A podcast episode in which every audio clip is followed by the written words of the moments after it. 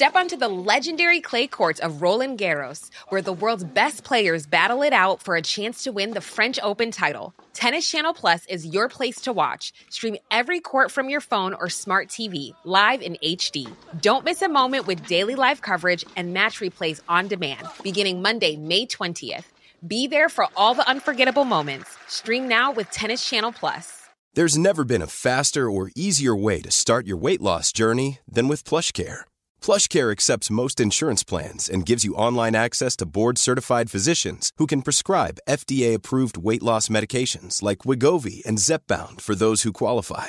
Take charge of your health and speak with a board-certified physician about a weight loss plan that's right for you. Get started today at plushcare.com slash weight loss. That's plushcare.com slash weight loss. plushcare.com slash weight loss. There's never been a faster or easier way to start your weight loss journey than with PlushCare. PlushCare accepts most insurance plans and gives you online access to board-certified physicians who can prescribe FDA-approved weight loss medications like Wigovi and Zepbound for those who qualify.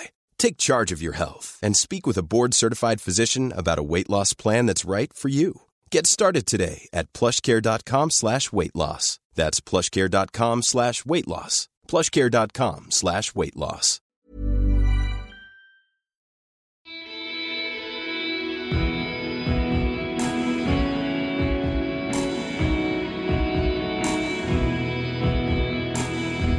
Velkommen til eh, Kaptare, episode nummer 15, spesialsending fra Vestlandet. Vi sitter i Bergen. Nei, det gjør vi ikke. Vi sitter Hvor sitter vi? Velkommen, Stig Rasmussen. Hvor sitter vi? Takk. Eh, vi sitter på eh, Oddland ute på Holsnøy På i Holsten. Nord-Hordaland. Det gjør vi. En 40 minutter fra Bergen sentrum. Vi eh, er eh, Dagen er på. Det er søndag. Det er eh, ettermiddag.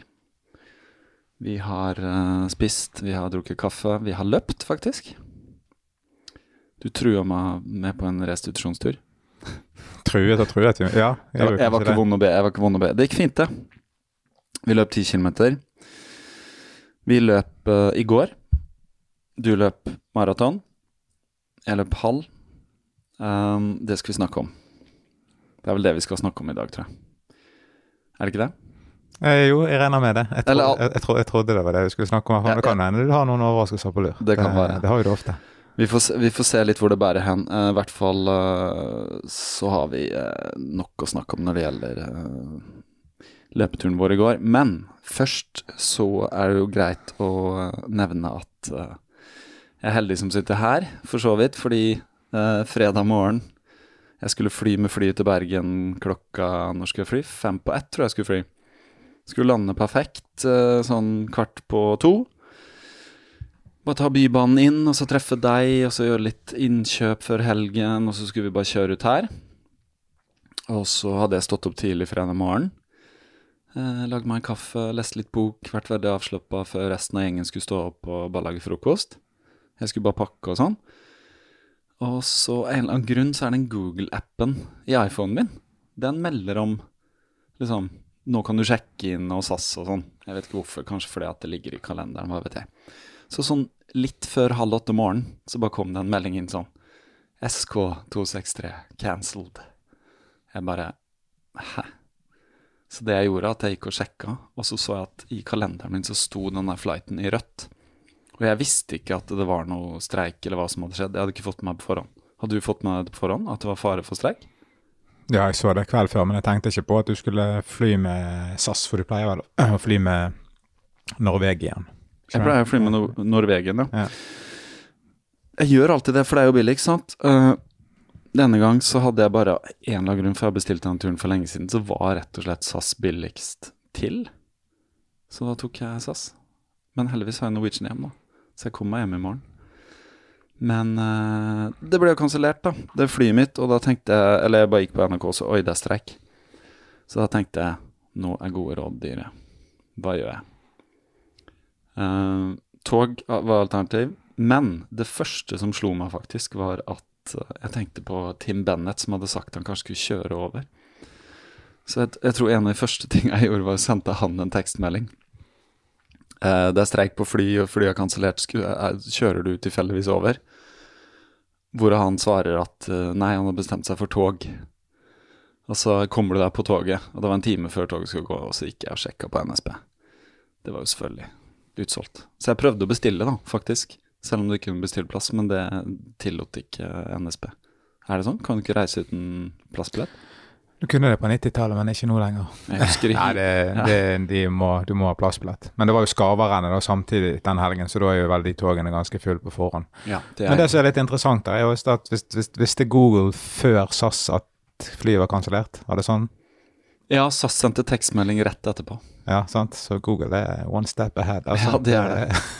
Jeg vet ikke hvordan eh, det der skjedde, men faktisk SAS sendte en også.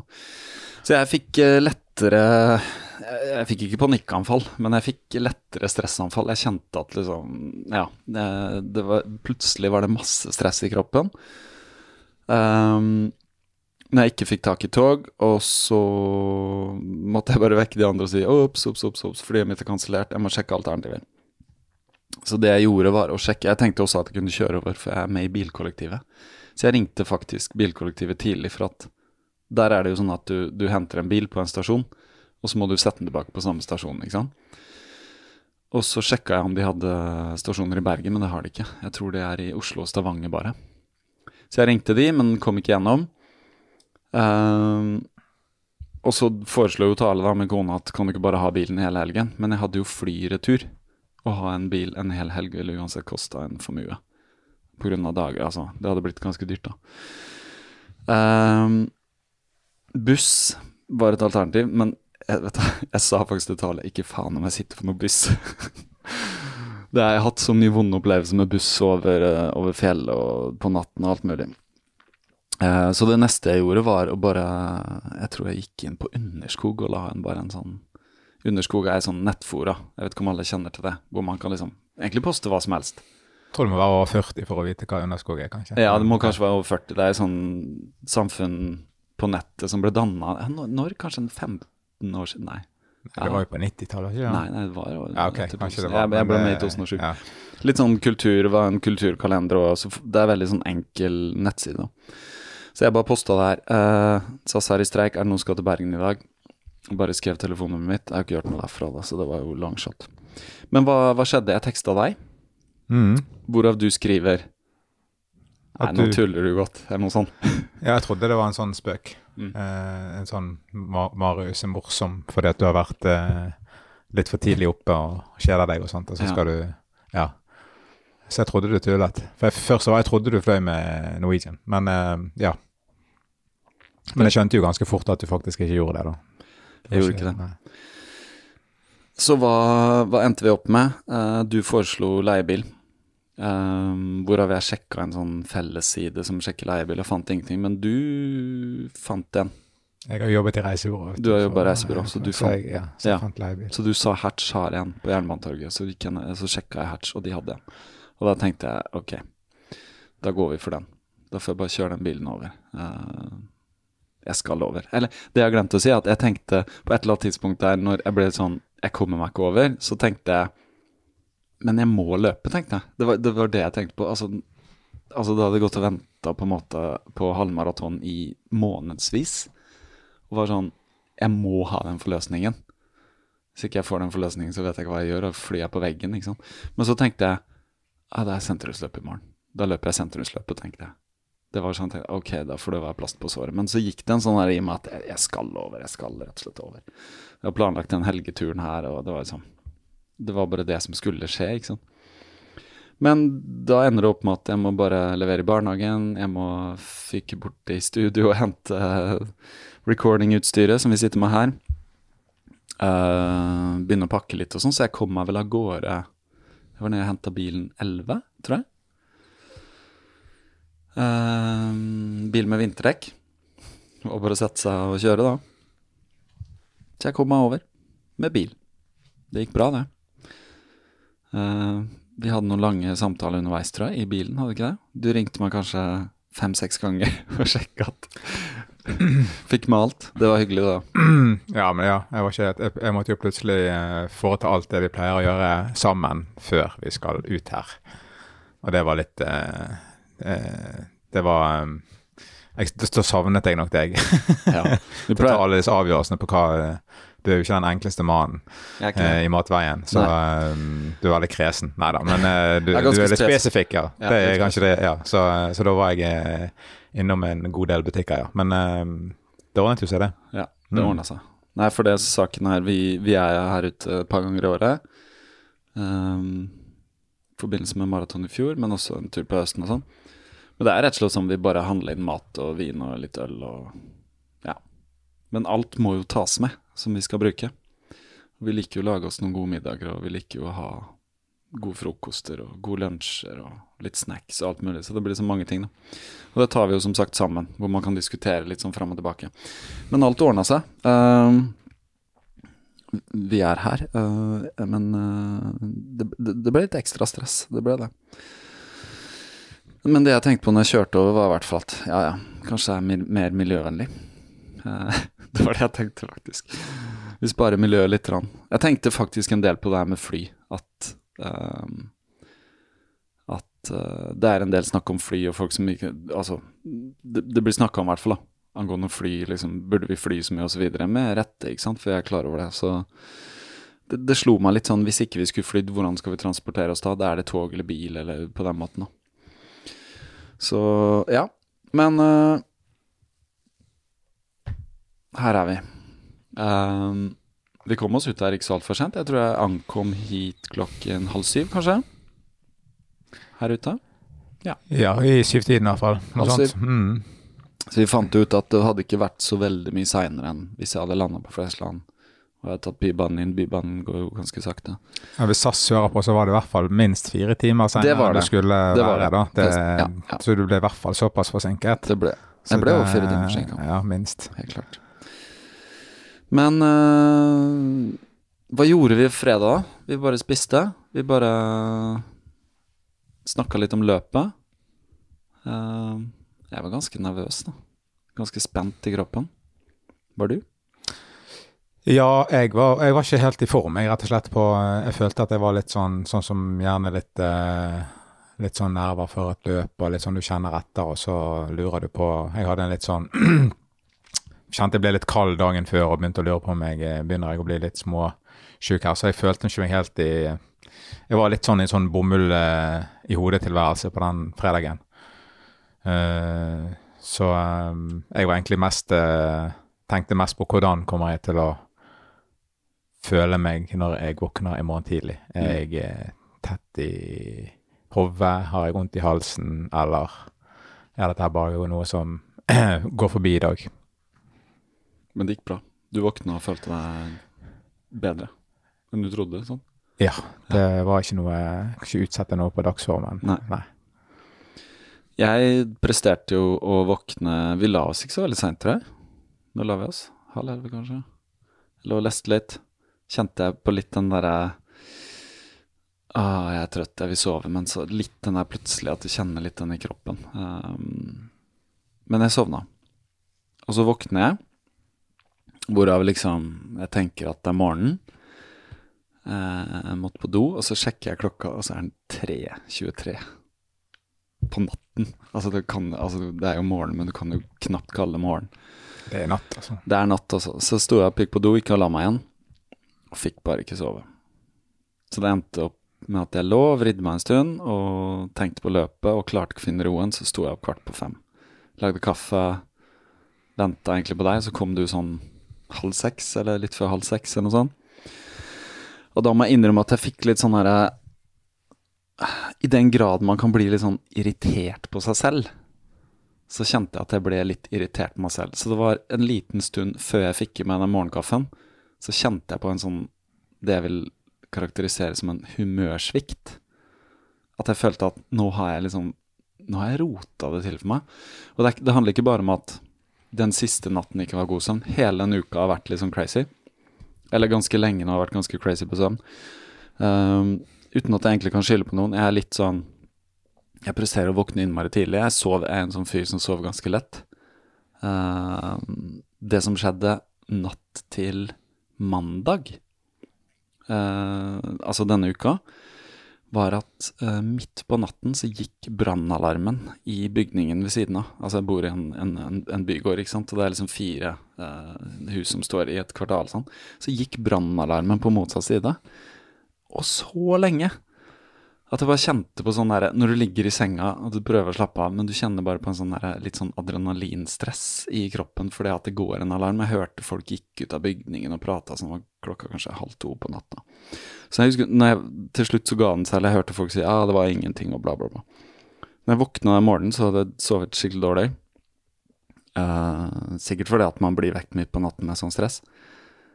Uh, de resterende nettene så har det gått greit, men jeg har en datter som kommer inn hver morgen. Nei, hver, hver natt. Mor har vært bortreist, så det er helt naturlig. Så det har liksom vært Jeg føler at jeg har liksom ikke Jeg hadde naila nedtrappinga til løpingen, men ikke naila søvnen, da. Så det har vært litt sånn, ja. Um, så når jeg våkna i går morges da og tenkte at ah, nå hadde jeg liksom én natt å bare sove ut på, så presterer jeg ikke klare det allikevel. Men når jeg fikk den første kaffen, så føler man seg jo allikevel litt sånn Altså, det som var greia, at beina var liksom klar. Kroppen var veldig klar. Hodet var litt tungt. Men um,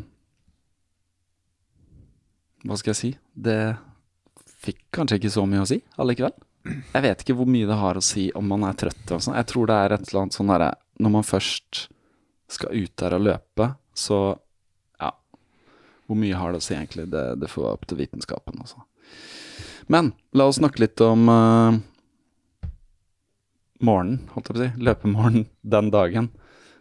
Bergen City Marathon starter jo grytidlig.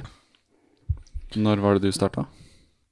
Eh, Helmaraton starta åtte, sant? så vi var jo Det du ikke har nevnt, det var jo at vi brukte mye tid på uh, fredagen med å sjekke Yr. Det er jo alltid like gøy i Bergen, for det kan jo faktisk eh, like gjerne være meldt fint vær, og det regner mens du ser at det er meldt fint vær. Så det er veldig Det er jo et sjansespill uansett, da. Men det var veldig sånn Det lå veldig an til at det skulle regne på natten, og så skulle det liksom stoppe litt akkurat egentlig når maratonstarten skulle gå, så skulle det begynne igjen å regne. Men alltid det der Tolvtiden, tror jeg. Det var liksom Ja. det så ut som det var en, et opphold mellom åtte og tolv. Ja, det var noe sånt. gikk, Men det der varierte jo litt da, fram og tilbake. Uh, men det skulle uansett Det var jo egentlig Altså, det var jo meldt uh, at det skulle regne uh, om natten. Altså ikke sånn ekstreme mengder, men ganske bra regn om natten. Natt til. Men når vi sto opp, så så vi at været var jo ikke sånn som det var meldt. Det var jo ikke Det var litt sånn lave tåkeskyer og eh, ingen nedbør. Så da var det en annen type vær enn det som var meldt. Så det var jo egentlig litt usikker på hvordan det blir været når vi kommer til byen. For dette tar 40 minutter å kjøre inn, og Bergen er veldig Der er jo med alle fjorder og fjell og sånn, så er det ganske lokale forskjeller på, på hvordan været faktisk er. Det kan henge liksom, skyer igjen over inne i Bergen, som kan gi et annet vær der enn det det er her ute. som vi befant oss da og befinner oss nå. Det var jo sånn Så- det var i fjor, at det var eh, Det regna litt, og det kom litt regn sånn underveis og sånn. Ja. Men det var litt sånn ironisk, for det hadde vært veldig bra fram til eh, løpsdagen, lørdagen. Ja. Jeg hadde jo sjekka Yr fra på en måte den ni-ti dagers varselet kom, og det var meldt regn egentlig helt fram til Altså, det var liksom meldt regn hele lørdag, da. Mm. Jeg så det på påkasten Jeg kom med det, liksom. Bergen, bare kom med det. Bryr meg ikke, liksom. Um, men det var jo ikke noe regn, da. Um, men det var litt sånn utrygt for regn. Ikke bare sjekka vi Yr, vi sjekka storm òg. Sånn, Det, men da går du dypt inn Ja, i materien. altså. jeg tror det var like før vi ringte ja. Ja, litt før vi ringte liksom, Meteorologisk institutt. Kommer det til å regne, liksom? Men, eh, nei, men ut, utover det med været, da, så er jo det det som er sant? Vi står jo opp, det er jo viktig å spise. Vi spiste bra. Ja, men at du også spiser. eh, Det som er fordelen med å være her, at vi faktisk må kjøre et stykke inn til byen, og vi skal inn og deponere på et kontor, og så skal vi komme oss til start og sånn. At du, du uansett eh, Da går det litt tid, og det, da får du òg gitt deg en god del eh, tid mellom du faktisk spiser og du skal starte, sånn at magen får, eh, eller kroppen får eh, fordøyd ting, og, eller ikke fordøyd, men ja, prosessene går sin gang. Ja, Så, I hvert fall ikke eh, magen full. ja. Så, så vi hadde en god uh, Vi hadde overnatt, overnatta havregrøt, Ja, som vi kokte litt, da. ja, det hadde vi. Det var, ja. Sa- uh, Salta kvern, havregryn, økologisk. Er Veldig du, er du sponset, eller? Uh, nei. Bare skutt ut av de? Um, Det var du som hadde kjøpt, da. Ja, det var det faktisk. Men um, Ja, og så var det jo òg å gjøre sant? Siden vi var litt usikre på været, så var det også hva vi skulle løpe i. Så, var det, så vi hadde med oss litt uh, Vi trengte jo ikke å bestemme oss før vi kom til byen. For vi tok med oss litt uh, tøy inn på et kontor der så vi, hvor vi skiftet. Så um, Jeg hadde tatt med litt lite klær, jeg. Jeg hadde vært litt sånn Jeg hadde med to shortser. Altså en kort og en lang. Jeg tenkte jeg skulle løpe den korte, men uh, jeg hadde rett og slett uh, Jeg hadde glemt overtrekksbuksa. Noe som var litt idiotisk, tenkte jeg. Fordi hvis det regna, hadde jeg altså hatt noe å trekke over. Det glemte jeg. Jeg glemte en god enten ull eller en teknisk skjorte.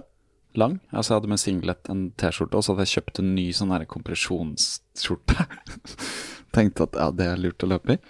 Så jeg hadde liksom Jeg hadde litt lite tøy. Jeg hadde en jakke, da, en tynn jakke. Eh, så du begynte jo Du begynte jo før meg, så jeg sto jo der oppe og lurte veldig på så meg i speilet. Hva, hva skal jeg, ikke det at forfengeligheten, altså, men oh, jo da. jo, litt. Rann. Men uh, uh, jeg lurte jo på hva, hva, hva skal jeg løpe i? Altså hvor kaldt blir det? For jeg hadde tenkt å løpe i den kortshortsen og en singlet. Men så var det uttrykk for regn, og det var litt kaldt når jeg hadde vært oppe på hva heter det, Minda og levert bilen. Da kom noen dråper, og det var litt sånn kjølig når jeg dro ned til byen igjen. Så jeg tenkte kanskje blir litt kaldt med singlet hvis det regner og blir litt våt og sånn. Så jeg tok den tekniske, den der kompresjonsoverdelen. Eh, det funka fint, det.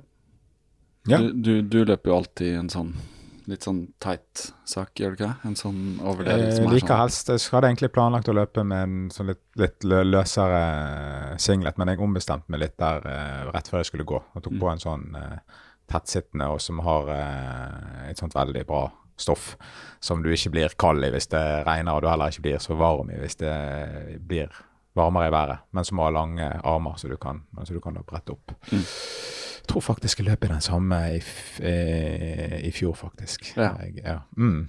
Det kan være. Vi Ja. kan sjekke bildene. Som om det har noe å si.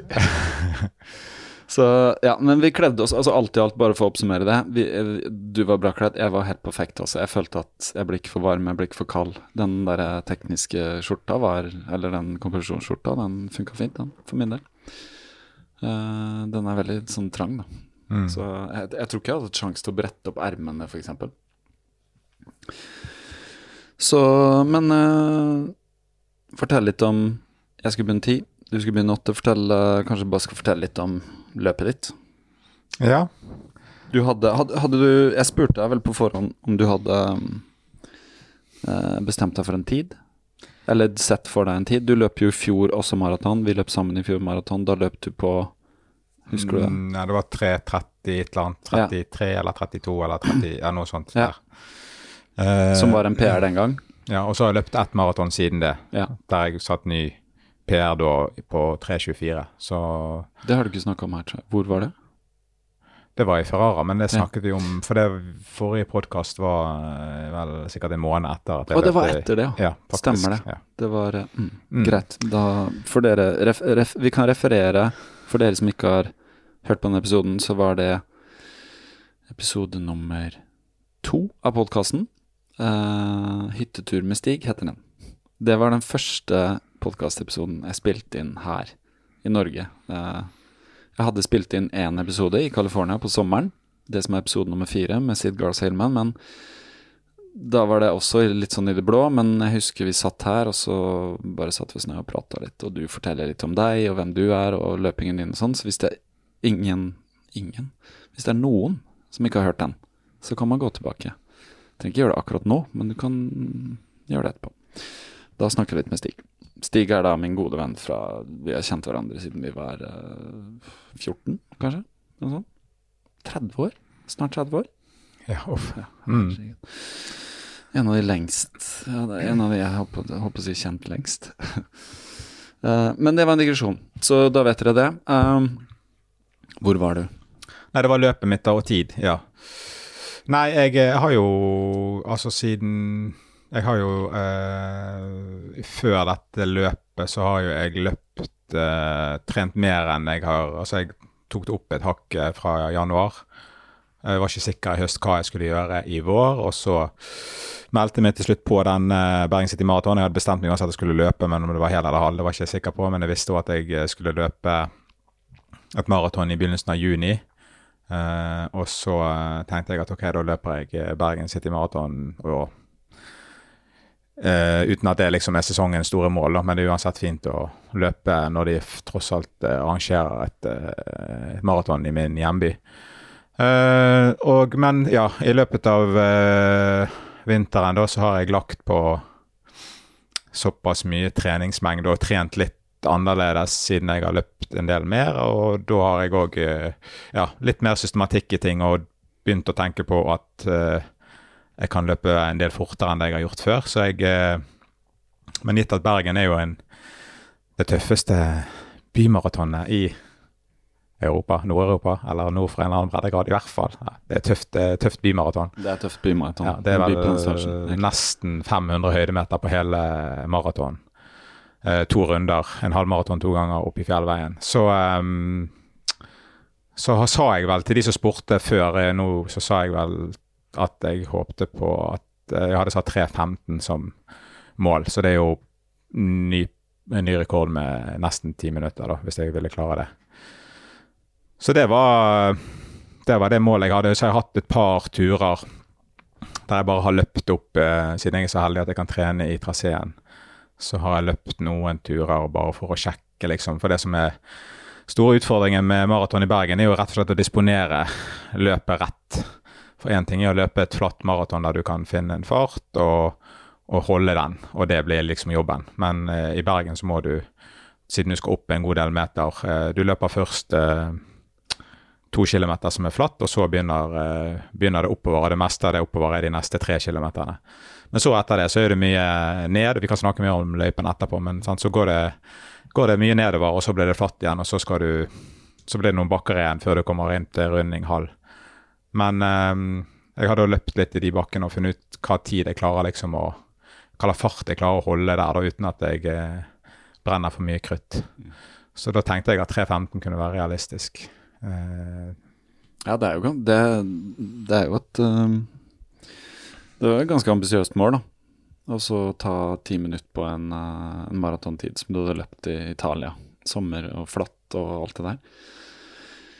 Men uh, du gikk ut jeg, jeg, hadde ikke helt fått med meg det, at det var det du gjorde. Så jeg fulgte jo med um, Jeg fant den der live-tiden på, på EQ Timing, eller hvor det er. Og så så jeg at du var uh, holdt god fart. så når jeg skulle varme opp og løp ned, og, og kom Og så du hadde passert halv, altså klokka var, var vel over halv ti, da. Mm. Jeg sto i kø på Godt prøv, kjøpe meg en liten kaffe. Så sjekka jeg da du passert eh, halvmaraton på 1.35 nå. Og da tenkte jeg oi, dette Da ble jeg overraska. Dette går fort. Eh, og så da blir det spennende. Holder det inn, ikke sant? Eh, eller hvordan går det? Og så tenkte jeg én tanke til. Da må jeg klare å løpe under det. Altså Hvis han har gjort det på én runde halvveis i maraton, da, da, må jeg bare dette, Den må jeg ta, liksom. For du løp vel Vi løp jo der i 2016, og da løp du vel 1,35 på en halv. Den gangen jeg løp 1,39. Ja, det kan stemme, det. Ja, mm. Ditt eneste halvmaraton for øvrig, så vidt jeg vet. Ja. ja. Mm. Men uh, ja, så det Nå har jeg røpt hvor fort det gikk halvveis, da. Men du kan jo fortelle, fortelle litt, da. Gå gjennom løpet. For det er jo Ja, det, er, eh, det, handler, det handler, veldig om disposisjon. Særlig i mm. maraton. Også i halvmaraton, da. Men det handler om disposisjon. Du må holde igjen litt. Uh, eller en del, faktisk. Mm. Særlig den første Du kan fortelle hvordan det er. Det går jo ut helt flatt. Ja, du starter på Bryggen, og så løper du ca. to kilometer ut mot gamle Bergen. Og da er det helt eh, paddeflatt. Og det er ganske god eh, Du får de sperret av veien, så det er god plass og sånn. Men på maratonstarten, og maraton i Bergen var vel hva var det, 800 som stilte til start? Nei, vet du hva, jeg sjekka 800 påmeldte, men 660 stilte til start. Jeg så, sjekket, ja, så det er, ikke, det er, ikke, flere, altså. Nei, sånn så det er ganske Og det er jo Bergen City Maraton er jo et stort arrangement, men for, når maraton starter to timer før alt annet, så det er både halvmaraton og stafett og fem kilometer og barneløp og osv. Så, videre, så det blir bare mer og mer folk i byen, da, men du, ganske, du, har ganske god plass og sånn på når du starter klokken åtte på maratonet. Og øh, øh, så kommer du da ut til Uh, ut, altså Sandviken, ute i Sandviken utenfor Bergen etter to kilometer. Da begynner stigningene. Først løper du opp en liten kneik før du løper ned til begynnelsen av Bymuseet, gamle, mm. gamle, Bergen heter det. som er Da begynner du å komme inn på brostein og begynner på, på stigningen. Um, der, der, der, står det en del folk og heier, folk som bor der og sånn. Har litt fest og litt Ja, det var det. De, de, som er Altså, før du kommer ned til uh, gamle Bergen, så er det et, der er det et hus der det alt hvert år så har de selv Og de var faktisk ute klokken åtte. Altså, de har fest i hagen, da. Det er sånn gjeng med Ja, de lager god stemning og heier veldig på alle. Så de er, er fantastiske. Uh, at de uh, Ja, de holder det De holder det gående i mange timer fra, fra tidlig på morgenen. så kommer du opp i gamle Bergen, og der står det noen står det et band fra sikkert Hansøyskolen sitt brassband eller noe sånt. Jeg vet ja, det står noen blåsere ja, ja, rett før den derre slags sånn byport-sak. Ja, det er, løper, det er, den byporten som er ut, når du kommer ut av gamle Bergen. Ja. på siden. Og da har du løpt oppover på, da kommer du, for da er du på brostein, så der er det litt sånn Da kjenner du at nå, nå begynner det tøffe her. Og Så kommer du ut av gamle Bergen, og der er det da en veldig krapp sving. En av de krappeste. Det er to krappe svinger i løypen, men det er en av de. Og da skal du opp den bratteste er sånn 100 meter, eller kanskje 70 meter, men ganske bratt. Før du skal opp og under en motorvei og kommer opp til eh, eh, Sandviken sykehus. Og der er den første drikkestasjonen. Og det er På denne her eh, maratonen her så hadde jeg Jeg tok eh, Det er vel drikke på hver eh, Denne kommer litt før fem kilometer, men det er vel hver femte kilometer er det eh, drikkestasjon.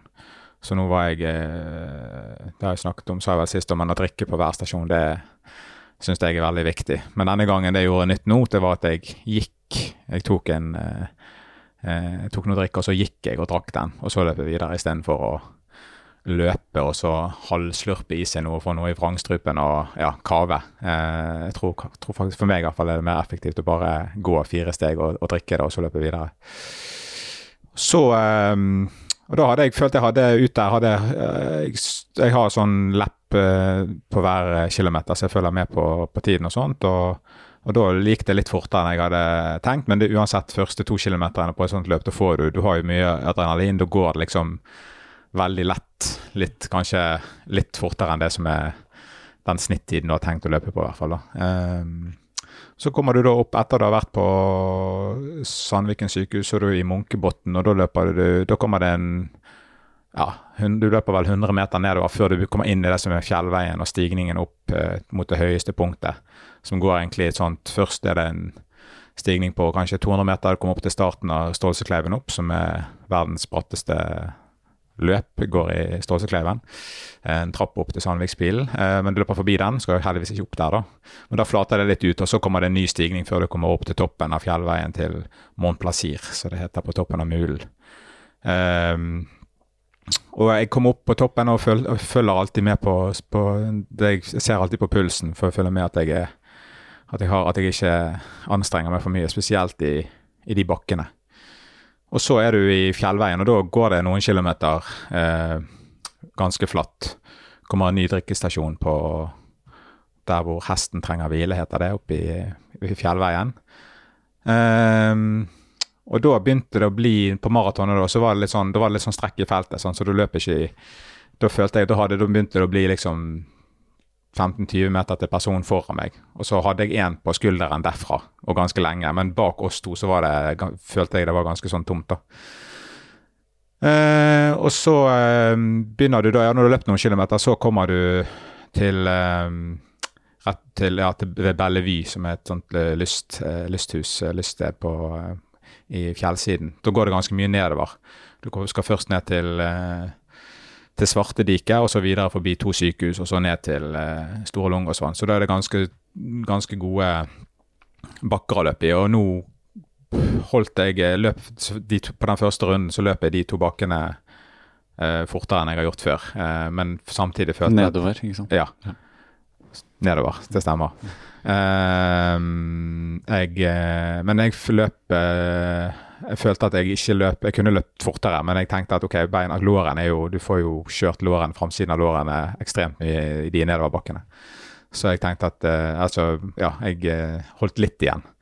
Men jeg så de som løp rundt meg, egentlig, vi holdt egentlig ganske lik fart. Altså, Jeg tok ikke igjen så, sånn betydelig på folk, eller det var heller ingen som løp fra meg i de som jeg hadde liksom i øyensyn.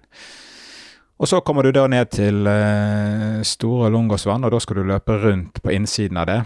Der, de, der er det litt sånn den mye omtalte bybanen i Bergen som de holder på å bygge ny, en ny trasé til ut fra sentrum. Der det gjør at de eh, graver litt der så den eh, traseen til maratonet er. Så der løper du litt sånn når du kommer på på det som er den nordsiden av det store Longosvann, så er det, eh, da er det sånne her midlertidige veier de har lagd som er innenfor litt sånne gjerder mens de holder på å bygge. Og så løper du rundt uh, uh, mot, mot, sentrum igjen, i, der det, og der er, veldig, der er, det helt flatt ganske lenge. Du løper rundt en svømmehall, og så løper du en sløyfe ut rundt en brannstasjon. Uh, det er det åpnest, mest åpne landskapet på hele denne her maratonen. Litt sånn på utsiden av, av, sentrum. Og så kommer du inn i til slutt inn i Nygårdspark, nei, i, jo, i Nygårdsparken. Der er Millie. I hvert fall denne når du Ja, men ikke på første runde, men på andre runde. Ja, ja. altså ja, eh, men derfor der er det sånn start på, på det her femkilometeren starter der, og så er det også sånn stafett eh, der. Der har du blant annet en veldig liten, rar bro. Altså en bitte liten bro. Den er, veldig, den er veldig skummel. Ja, den er det. Fordi at du, du, kommer over veien fra du har vært rundt, uh, rundt ut på kaien, og så kommer du inn, og så skal du over den broen. Nå var jo den tørr, da, men den kan jo være våt. men og så, kom, så, er det ganske bratt ned, det er ganske sånn høyt. Du kan få et sånn, ganske sånn tungt steg ned på, på asfalten på hinsiden. Og så skal, rett etter det så skal du rett rundt en sånn 90 graders eh, sving. Så det er litt teknisk. Mm. Og det blir litt sånn eh, for meg så Og da jeg var litt eh, ja, jeg, jeg eh, var flink å drikke mye før.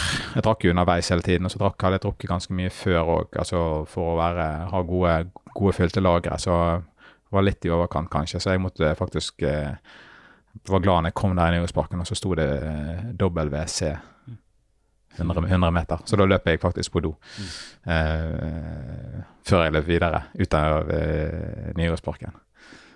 Så du på hvor mye tid det tok? For Det, det snakka vi litt om i går. Ja, nei, altså jeg tror ikke det tar så Altså Jeg så på den, uh, på den leppen, altså på den kilometeren så jeg tapte Altså jeg lå liksom på Jeg, tapp, jeg, så, jeg følte liksom ikke at jeg tapte mer enn uh, Altså jeg løp kanskje litt fortere litt før jeg tenkte nå, nå må jeg gasse litt på, og så litt etterpå, men så det jevner seg ut. Men jeg tror ikke du taper. Det jeg tror nok det er verre å gå og løpe liksom, og kjenne på og tenke på at hodet må jobbe med at oh, jeg må, skulle vært på skulle vært på do, liksom. Man må lette litt på trykket. Jeg tror det er ganske sånn, for det er ganske sånn befriende jeg føler alt etter du har på do, så er det veldig det er en sånn, veldig sånn lettelse. da. Veie mindre etterpå, det må være en fordel. Ja, men du slipper å tenke på hvor, ja, ja, du, hvor, er, hvor, er, det, hvor er det et do, og nå må jeg, og hvordan er det, er, det, er, er dodøren åpen? Må jeg gå i en busk, eller? Ja. Mm. mm. Nei, men eh, ja. Eh, jeg eh, hadde, og da jeg følte meg veldig bra. Jeg følte ikke at jeg pushet noen ting. Jeg hadde en kontrollert puls, og jeg løp utover ut under Puddefjordsbroen og ut på mm. containerområdet. For der, der, kommer det en sånn ut, ut, ut av Nygårdsparken, litt opp. Så kommer du liksom ut av Nygårdsparken inn i felt, og så er det en 90 grader venstre og 90 grader høyre bratt bakke ned. Litt tøff den òg. Ja, den er, ja, i hvert fall på andre runden. Ja, men, ja, nei, men den er litt eh, Det er bratt bakke og så to svinger rundt eh, den gamle idrettsplassen på Møhlpris. Så eh, Men så er det ut og under Puddefjordsbroen, ja, og ut på container. Og der, der er det liksom to to kilometer kanskje, som er der òg, det er helt sånn flatt. Eh, og så kommer du til Nordnes, og da eh, Begynner det å gå litt opp. Ja. ja, da blir det brostein og, og, bakker. Og der er det litt sånn nådeløst, for da er du eh, Den tøffeste er jo når du kommer helt ut nesten på verftet, og så skal du ta en 180. Mm. Og så er det en superbratt sånn brosteinsbakke. Ja som først går bare sm smyger seg opp rundt to hus, og der er det sånn at det er sånn at, at de har lagt brostein sånn skrått, så hestene kan gå opp sånn. Er det ikke det? Sånn, ja, var det for hestene, eller? Jeg vet ikke. I hvert fall for å få bedre tak. Ja, ja, I gamle dager så var det vel det. Og så når du kommer rundt der, så er du jo nesten inni et smau. Når jeg løp der, så sto det en dame liksom utenfor inngangsdøra si. Du føler at du løper rett forbi, liksom. Ja, du kommer tett på lokalbefolkningen. Du kommer tett på der, du mm. gjør det. Så den er tøff, eh, men jeg regner med at eh, den eh, hadde du Den gikk fint, den. På første, i hvert fall. Ja da, og så kommer du rundt der, og så skal du da enda litt mer opp før du kommer opp til Fredriksberg festning, og så skal du så en liten bakke der òg som er litt Og så kommer du på toppen av Haugeveien, som er mm. din, din, gate i Bergen. Ja. Og så skal du ned bak Nordnes skole og ned i, i Nordnesparken. Og der er den bratteste nedoverbakken. En sånn 70-100 meter nedover, som er ganske altså Han er så bratt at den kjenner du Du kjenner den godt i lårene. Og der er Ja. Og så er de sånn Det er kanskje det eneste jeg har utsatt på denne på de, eh, disse her. Det er veldig bra med det. Det er utrolig bra arrangement og fantastisk med de, de her eh, drikkestasjonene og sånt. Men de har sånn drikkestasjon akkurat når det liksom er ti meter igjen av den bakken. Mm. Altså når, når folk har liksom da, da, I hvert fall jeg, da slipper du gjerne litt sånn på, og så bruker du farten ut på flaten. Mm. Men så har liksom, så skulle du stoppe å drikke Eller ja, det var litt sånn Den kunne de hatt et annet sted. Ja. Uh, men ja, så en liten liten runde ut i, uh, på Nordnespynten, og så tilbake igjen ut uh, Eller inn i byen gjennom Strandgaten. Og da er det flatt og litt, litt ned, og så flatt helt inn til Brostein igjen da, i Strandgaten. Ja, brostein og litt eh, Det var jo litt bygging der i den ene gaten òg, så du ja, løp gjennom en sånn her eh, noen eh, anleggsområder, og så ned på brostein. Og så er det brostein ut eh, helt inn til Vågen, til gamle Fisketorget. Og så er det asfalt siste 200 meterne før, mm. eller 300 kanskje, fire, før du kommer eh, inn til runding, og da Ja. og da begynner Og da kom jeg så på Altså, jeg hadde følte at jeg lå et løp som planlagt, men jeg tenkte samtidig at eh, OK, altså Jeg har ikke vært noen sånn Jeg er ikke noen god på sånn negativ eh, splitt. Jeg er, jeg er kanskje mer sånn kenyansk eller japansk. Jeg går, går litt for det, og så ser hvordan det holder, og så men jeg har heller ikke sprukket, og sånn, men jeg tenkte at ok, jeg, for jeg så jo på tiden. sant, at da, hvis Du jeg skulle... sjekka tiden med runding? Ja, eller faktisk, jeg glemte å se. Utro, altså, jeg kom litt ut forbi den Bontlabo, så jeg Mm. løp et par minutter, Mm. og så Eller nærmere en, eller i hvert fall minst eh, Eller opp mot en kilometer før jeg så Oi, hva var egentlig tiden på halv? Mm. For det, det var så mye Akkurat når jeg kom, så var det sånn eh, Da sto dere som skulle begynne på halv, og gjorde dere klar. Så da var det Mm. sånn Da ble jeg så opptatt av å å vinke og sånn, for Ja, han er spikeren var veldig sånn positiv til, til maratonløperne som kom. Ja, Ja. det var veldig mye folk. Så eh, Nei, men eh, så var det ut igjen eh, og begynne på repeat, sant. En gang til det samme. Og eh, så da jeg følte jeg hadde jeg følte jeg hadde gode bein og god form, og jeg følte at jeg hadde jeg kom til å klare å altså da, får du ganske raskt svar. Sånn. Så du løper to kilometer til, så skal du opp en gang til de tre kilometerne ved stigningen. Og når du da du kommer opp til toppen, da, da vet du at ok, herfra og inn så er det i hvert fall ikke noen sånne uh, Altså, du har ikke den lange de lange bakkene. Uh, men uh, for de som ikke vet det, så er det Jeg sjekka, altså Highest Elevation sjekka jeg i går. Det er altså rundt to Du skal opp, opp til 200 meters høyde, da. 200 høydemeter, altså 200 meter over havet, mener jeg. Det, altså, det blir jo litt mer enn 200 høyde, det blir sånn 250 høydemeter på en runde. mm. Men du løper opp til 200 meter. Det, altså, du er ganske høyt oppe. Når du løper der oppe, så ser du ned, så er du 200 meter over byen. Mm. Ja så det er jo det bare gir litt indikasjon på bakkene. Ja, men så løper du litt opp, og så er det ned igjen, og, Ja. og så opp igjen. sant? Så Ja. dette er- Ergo blir det flere høydemeter enn du løper. Ja. Eh, men ja, og da er det liksom i, i Bergen og på den andre runden, så da kommer du inn i Hvordan var feltet da? Hvordan var det med folk rundt? Nei, det var jeg, det, jeg hadde noen som passerte meg, og så tok jeg noen igjen, og det var ikke så mye Det var ganske sånn Følte liksom ikke at jeg løp så veldig mye, men jeg hadde, no, hadde en som hang på meg lenge, da. Mm. Uh, Og han slapp du forbi, eller hva- du stoppet? Nei, det var da jeg, jeg Først så stoppet jeg og drakk, og så da kom han litt foran meg, og så gikk jeg på do. Sant? Det var da han eh, Ja. Så eh, Du husker ikke Du sjekka ikke nummeret hans og sånn? Så du Nei. om det? Nei da, men altså, det var helt eh, Det, var, det er jo sånn du har vel ikke, I triatlon har du vel ikke lov til å gjøre sånne ting som det der, men uh, altså det er vel andre regler i sånn konkurranse i hvert fall, for om du har lov å henge på, på folk, liksom. Men nei da. Men det var bare det. Det var litt sånn Jeg følte det var litt For han hadde ganske sånn mark markant steg. Jeg tror han var litt større enn meg. Så han hadde liksom Jeg hørte hele tiden på hans harde slag i, i asfalten. Og det Ja, jeg hadde heller lyst til å høre på mitt eh, lette, flotte Ja. Men Det kan vi nevne at du hvilke sko løp du med. ja, jeg løp jo med Jeg snublet over noen sånne her eh, Vaporfly eh, 4% sko fra Nike. Kipchoge-skoen. Så eh, bare ja, noen eh, uken før. Eh, eller ja, den i forrige uke. Så jeg, de løper med. Mm. De var gode, eller? De var Altså, jeg hadde løpt i noen Jeg hadde hatt, har noen veldig like. Altså den samme sko som er bygd på samme lest, som er liksom en litt sånn enklere variant av den. Så jeg har løpt med noe i de siste når jeg har løpt så mye. Så jeg var Visste at skoen passet meg og mitt steg bra. Men den skoen var Ja, det var Men det er jo mye Det sitter jo sikkert noe i hodet men jeg føler at det den, ja, den, var veldig, den var veldig god å, å løpe med, altså. Det, det, må jeg si. Men eh, tilbake til løpet. da, sant? Når du løper i Bergen og den andre runden, så er det da mye mer folk eh, på andre runden pga. disse stafett, eh, ti etapper stafett som går i samme løypen. Og Hver gang du kommer til de vekslingene der folk står og venter, så er det ganske, da blir det ganske sånn Da står de og roper eh, 'løype' eller 'pass på maratonløper' og sånt. disse her frivillige med, med ropart og sånt. For det står så mye folk og venter på å veksle. Mm. Så det, det, er jo litt kjekt, for plutselig så kommer du rundt en sving, og så står det plutselig flere hundre mennesker. Eh, som De ser jo ikke etter deg, da, de ser jo etter den de skal mm. veksle med. Men eh, også samtidig så kommer jo halvmaraton bak, for de starter jo sant? Jeg var vel inne sånn 25 minutter før de begynner. Da kom jeg inn og rundet. Mm. Og jeg husker i fjor da jeg løp, så tok eh, halvmaraton lederen eh, på halvmaraton, han tok meg igjen oppe i fjellveien der.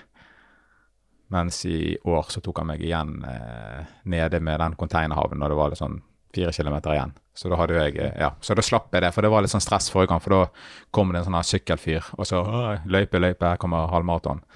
Pluss alle stafettfolkene. Så det var mye mer sånn rykk og napp rundt meg. Men nå var jeg lenger framme, så da slapp jeg. Det var ikke så mange av de der eh, halvmaratonlagene som Nei, stafettlagene som egentlig kom opp heller. Så Brorparten av de var lenger bak og kom i mål etter meg. Mm. Men eh, ja, eh, tilbake til løpet. Så jeg, jeg eh, hadde vel omtrent samme tempo oppover på andre runden, altså i motbakkene, så vidt jeg har sett i hvert fall. Men så klarte jeg ikke å løpe like fort uh, i nedoverbakkene. Uh, og så hadde jeg litt dårligere tid på flaten og sånt. Uh, men jeg, jeg, følte at jeg lå innenfor det jeg hadde Altså, var Jeg tenkte aldri på at jeg uh, Nei, så, så jeg kunne løpt Farta slapp litt? Altså, ja, men ja. samtidig så jeg følte at jeg løper kontrollert. Jeg, jeg kan mm. løpe fortere, men jeg vil ikke Dette er en bra mm. jeg, en, jeg, har en bra opplevelse nå. Mm. Jeg, beina føles bra. Mm. Jeg vil komme i mål mm. på en bra måte, ja. og heller ha Litt, det var ikke sånn at du løp for å slå verdensrekorden, liksom? Nei, også, du, hadde, du, hadde, en liten Nei, men du har jo Du, har jo, du kjenner jo på Du kjenner jo selvfølgelig når du har løpt eh, Når du kommer over 30 km, så kjenner du lårene og leggene. sant? Er, de, er, det noe Hvor mye er det igjen her? sant? Er det begynner det å bli sånn at du må kjempe for å, å presse deg for å, å, holde farten oppe, eller er det sånn at det går sånn noenlunde greit? Og det gikk sånn noenlunde greit. Jeg, følte, jeg kjente jo at jeg var mer sliten, men mm samtidig kjente at jeg kan løpe fortere. Men jeg vet jo at jeg, kommer du til denne siste når du skal ut på Nordnes der og opp denne, eh, denne 90-graderssvingen og den, de brosteinene der, og så opp og ned den bratte bakken. Jeg ville vente til at jeg hadde vært gjennom det før jeg eh, Ga siste. Ja. Mm. Så eh, Nei, så jeg hadde Jeg hadde vel egentlig ingen jeg lå knivet noe sånt. Jeg hadde sånn, mest sånn, sånn, noen sånne stafettlag rundt meg. Mm. Og så kom det, så hadde jeg, Men så hadde jeg en foran meg, og en, så kom det en opp bak meg som løp forbi meg ut på Nordnes. Som jeg løp forbi igjen da, på, ut av uh, Nordnesparken. Ja, men du så Jeg mener å huske hvilken trøye han hadde på? Ja, han løp, ja, jeg så det var en sånn, han kom forbi meg i en sånn Eintracht Frankfurt-trøye. Eh, Fotball, fotballtrøye? Ja, tysk eh, fotballag. Som, eh, du skjønte han var tysk?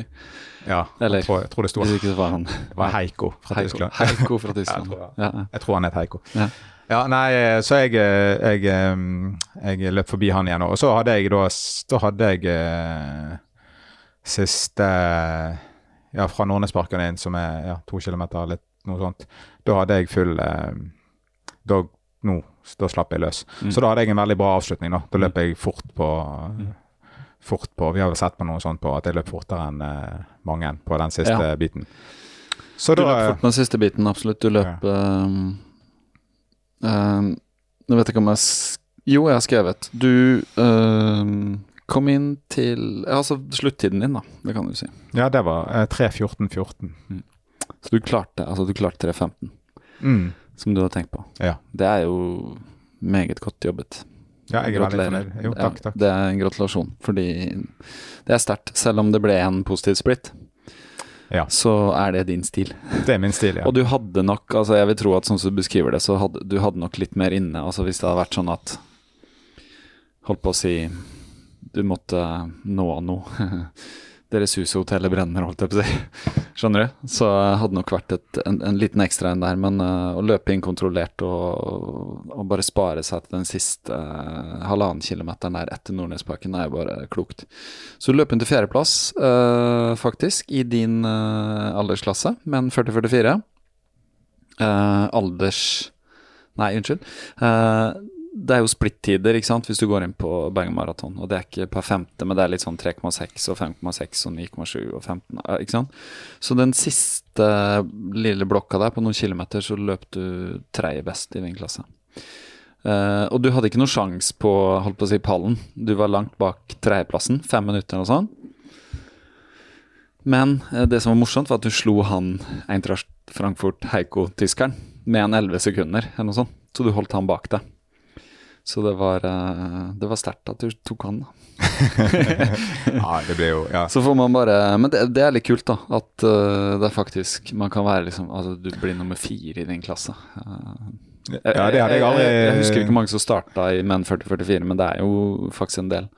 Ja, men ja, jeg tror det ble, hva det var, ble fem, nummer 51 eller 52 i hele maratonen. Ja, totalt av ja. 663. Eller som starta, jeg vet ikke hvor mange som fullførte, men ja, nei, jeg er veldig fornøyd med det, men altså, jeg har aldri verken aldersklasse eller sånt. Jeg, har, jeg har ikke streifet mine tanker om Altså, har ikke peiling på hvor jeg Altså, hvis noen hadde sagt ja, du kom på 96.-plass i menn 40-44, så hadde jeg OK. Altså, jeg har ikke peiling på, jeg har ikke anelse. Det er alltid litt, litt gøy å sjekke, syns jeg. Ja, men det ble kanskje litt mer eh, nå når jeg løp plutselig ti minutter raskere enn sist, så da kommer jeg gjerne forbi noen. Sant? Så det hjelper jo. Ja. Men uh, men samtidig det med altså det der på slutten der, sant? når du finner deg noen sånne der sant? Altså du, du, Det er jo sånn når du løper underveis, sant? du ser du ser en som løper, du tar igjen en person, eller en person kommer forbi deg som bare det ser ut som ikke kan løpe, eller i hvert fall ikke en løper. Du ser på, altså De løper tungt eller med en, en rar stil, eller uh, ser ut som de har veldig mye å dra på. Mm. Eh, I hvert fall mer enn deg, sånn, altså ikke, men altså i muskler og sånt, som ikke og så tenker du hvordan Jeg må jo klare å slå den personen, liksom. Eh, hvordan, eller hvordan klarer den personen Og nå, nå, nå, er jeg veldig fornøyd, men hvordan klarer den personen der å være på mitt nivå, liksom. Eller, mm. ja. Men det går noen sånne i altså Du finner jo noen sånne, i hvert fall på slutten, at mm. OK. Og så tenker du, hvis jeg kan gi deg noe ekstra de siste kilometerne for å OK, den personen skal jeg mm. må mm. komme før den personen. Ja, dette snakka vi litt om. Jeg uh, hadde en sånn en sånn liten uh, nå. Jeg har hatt det før også. Det er gjerne jeg får meg litt mennesker rundt meg gjør det. Men uh, ja. Bra løpsbeskrivelse. Uh, som sagt, veldig bra jobba. Mm. Vi kan jo, jeg kan jo fortelle litt hvordan jeg løp, og så kan vi fortelle, snakke litt om du har noen planer fremover og sånn. men som sagt, jeg begynte jo to timer etter deg. Så ja. det jeg gjorde, var at i år hadde jeg god tid, da. Det var sånn deilig, for i fjor løp jo begge maraton, så begge starta åtte og sånn. Du skulle starte åtte, så du føk av gårde. Så det jeg gjorde etter du stakk, var jo at jeg leverte leiebilen. Jeg stakk tilbake til kontoret der vi skifta, og bare drakk litt uh, sjokolademelk. Uh, altså sjokoladehavremelk. Og uh, spiste en liten rhubar og litt sånn. bare fikk i meg litt og drakk litt vann og sånn. Fant ut hva jeg skulle løpe med. Og så tok jeg sakene mine, og så bare jogga jeg ned da, til Vikinghallen for å legge fra meg ting. Men det, siden jeg var litt sånn, følte meg litt trøtt i trynet, som det heter, så tenkte jeg jeg må ha meg en kaffeshot før vi går ut. Altså, sånn er det bare. Jeg, bare i dag, jeg, jeg trenger noe, et eller annet sånn kick, liksom. Bare, så jeg løp, og så tenkte jeg hvor er det gode kafeer? Uh, siden jeg er en feinschmecker på kaffe, selvfølgelig. Hvor er det gode kafeer? Og så visste jeg at godt brød lå Korsika-mening, ikke sant. Ja. Så jeg løp ned der. Uh, der var det ikke så mange folk så tidlig, men uh, det var en foran meg i kø. Um, han har sånn lange bestillinger og sånn. Så da hadde jeg løpt, så jeg sto nå inne på Godt brød liksom bare hoppa litt og var sånn, var sånn veldig beveget. Så han så, så, på meg og lo, eller sånn, smilte litt og sa ja, ja, nei, jeg må holde i gang, liksom. Og så var han sånn Ja, ja, jeg skal, jeg skal løpe stafetten og to etapper. Og jeg bare, ja, kult. Og ja, nei, jeg skal løpe halv og sånn. Det er nå snart liksom eh, 60 minutter. og så kjøpte jeg meg en, eh, en americano med litt mindre vann. Uh, og så åpna jeg en pakke cordyceps som jeg hadde fått av deg. Og for de som ikke vet hva cordyceps er, så er det rett og slett sopp. Uh, det høres jo veldig rart ut, men du er inne i litt sånn soppteer og sånn. Uh, så cordyceps er jo kjent for å være prestasjonsfremmende, rett og slett. Det er en veldig sånn rar sopp som vokser En slags snyltesopp, faktisk. En avart av cordyceps, det er jo litt morsomt, da.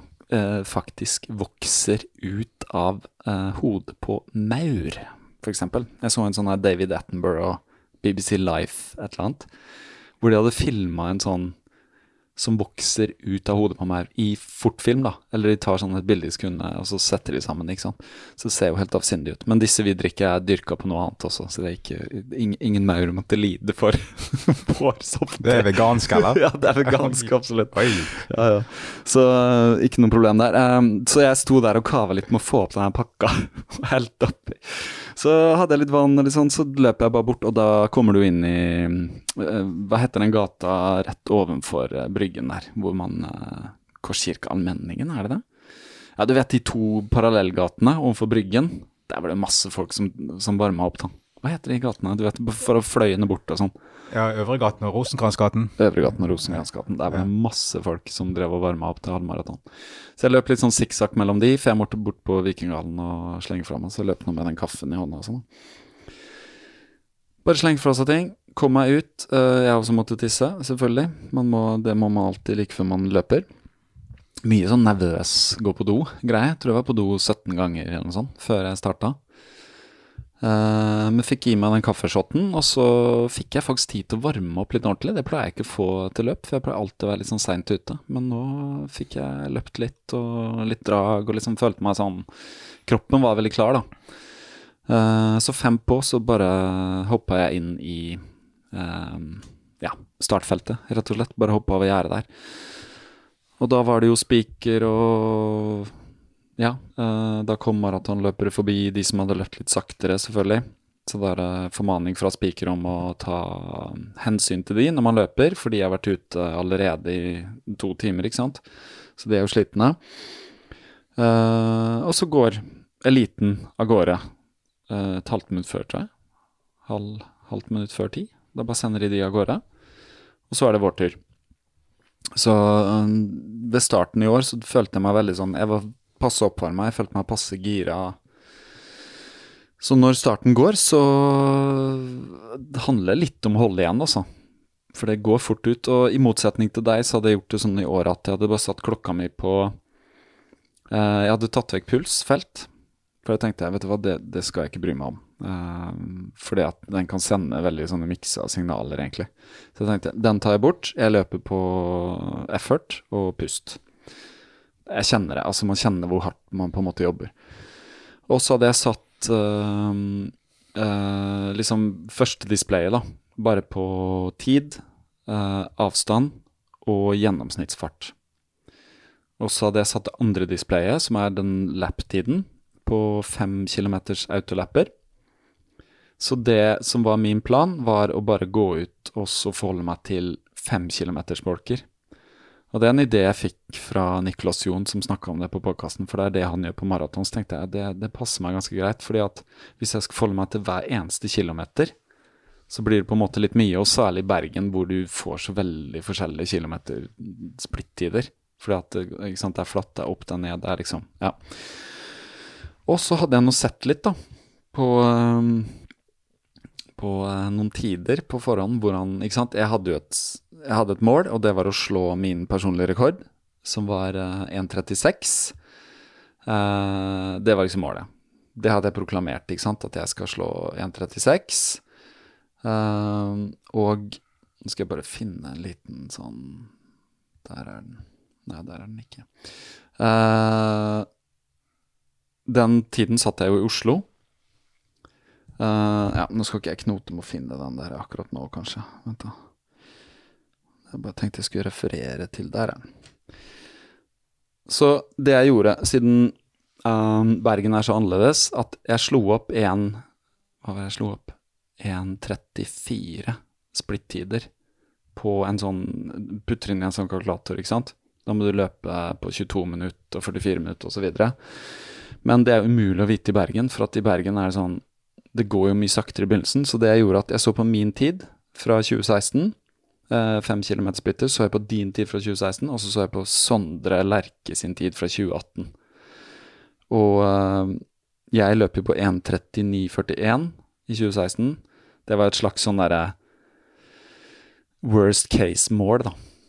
hvis alt gikk til helvete, så måtte jeg i hvert fall slå det, for ikke føle total uh, fiasko.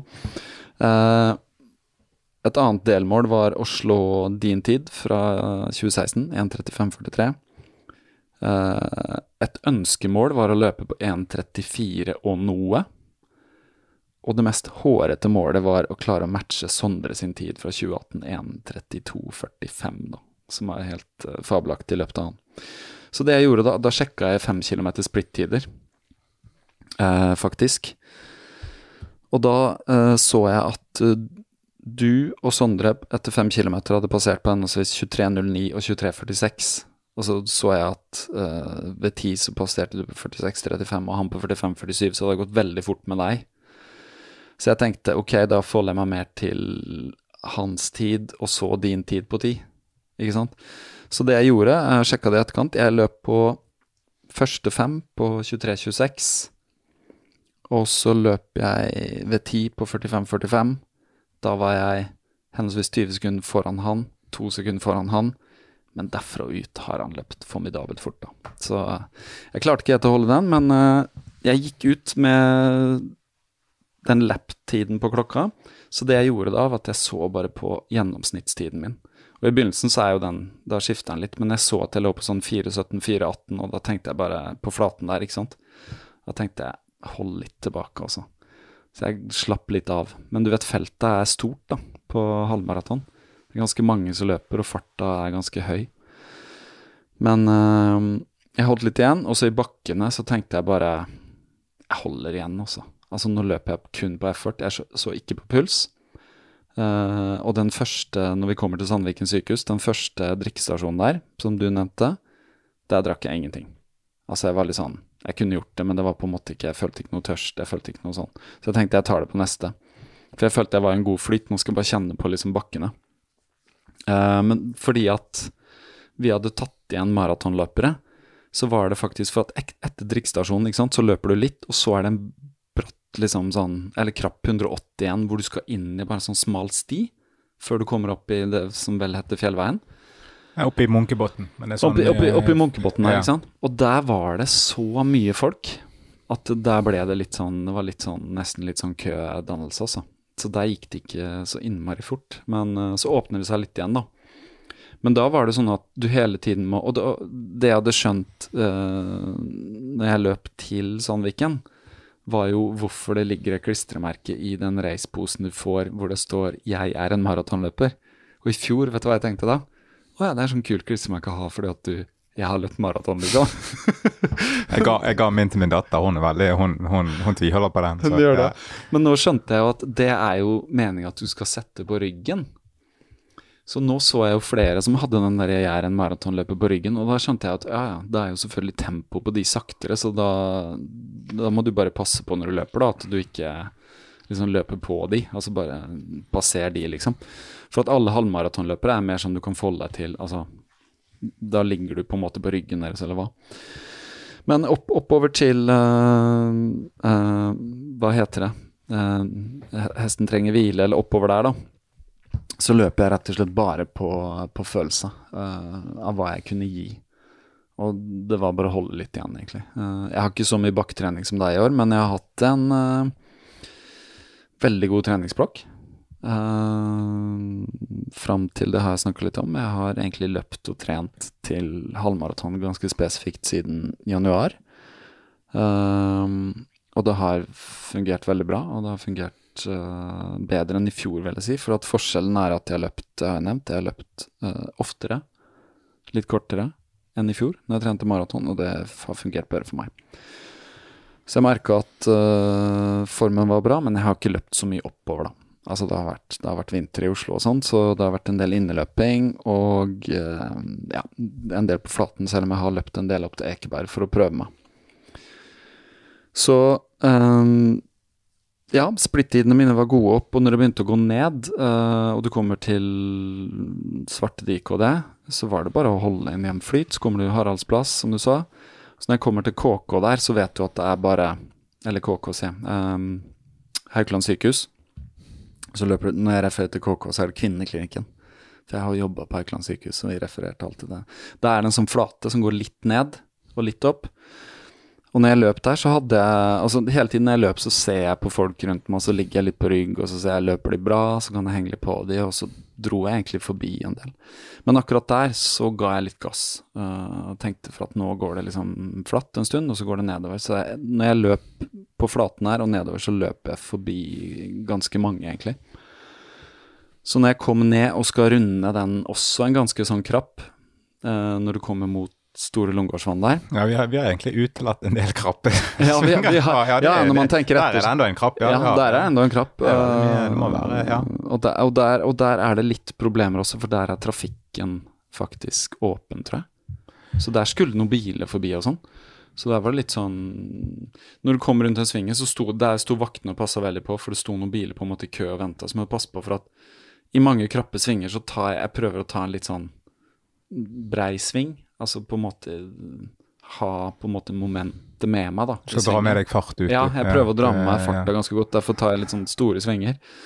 Selv om du løper litt lenger, så tror jeg det er lurere. Men der var det sånn at det sto vakter, så du måtte liksom nesten stoppe opp, og så må de på igjen.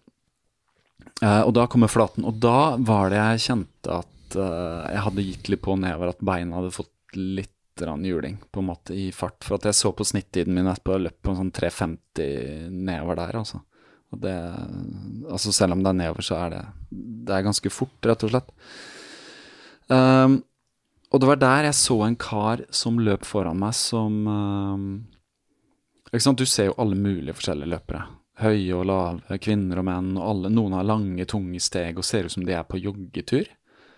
Uh, noen er liksom små og tett og løper veldig sånn stakkato. Og det var en kar jeg løp bak, da, som var sånn Leggmuskulaturen hans var utrolig kraftig. Det var sånn Jeg tenkte at det er ikke typisk løpelegger, liksom. Jeg tenkte sånn, han, han har trent styrke, da. Veldig mye styrke. Og egentlig Måten han løp på også tilsa at han er liksom ikke en vanlig løper. Og så løp han med lange armer, og så la jeg merke til at han hadde eh, telefonen inni en sånn holder på armen. På overarmen, ja. På overarmen, som mange har. Som jeg syns er litt sånn Ja. Det, jeg kan skjønne vits med å ha med seg telefon på tur også, men ja, jeg, jeg, hadde ikke klart å løpe med den her på overarmen.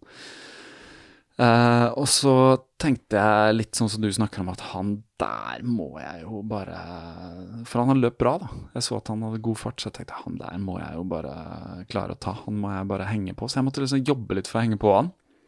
Og det var kanskje første stedet hvor jeg kjente at jeg var litt sliten når vi kom langs med Store Långårdsvann der. For det er liksom ganske langt strekk. Det var litt sånn lenger enn jeg huska det, egentlig. Og så er det litt sånn smalt, og det er ikke så mye å se på og sånn. Ja, Det er vel det kjedeligste punktet i løypen? Ja, det er litt sånn kjedeligste punktet i løypa. Altså, akkurat der fikk jeg litt sånn uh, nedtur. Egentlig ikke nedtur, men det var litt sånn Ja, jeg måtte jobbe litt mer, da, for å holde farta. Uh, men det gikk noe bra, og så kommer du der med den svømme... Er det en svømmehall? liksom? Mm. Ja. Og der står det folk igjen, og sånn, for da er nærmere bystasjonen, så det står litt folk å se på. Uh, så det var bare å komme seg rundt uh, Lungegårdsvannet der. Um, og så kommer du ved um, Nygårdsparken etter det. Men så tar du en liten sånn runde rundt en eller annen sånn bygning.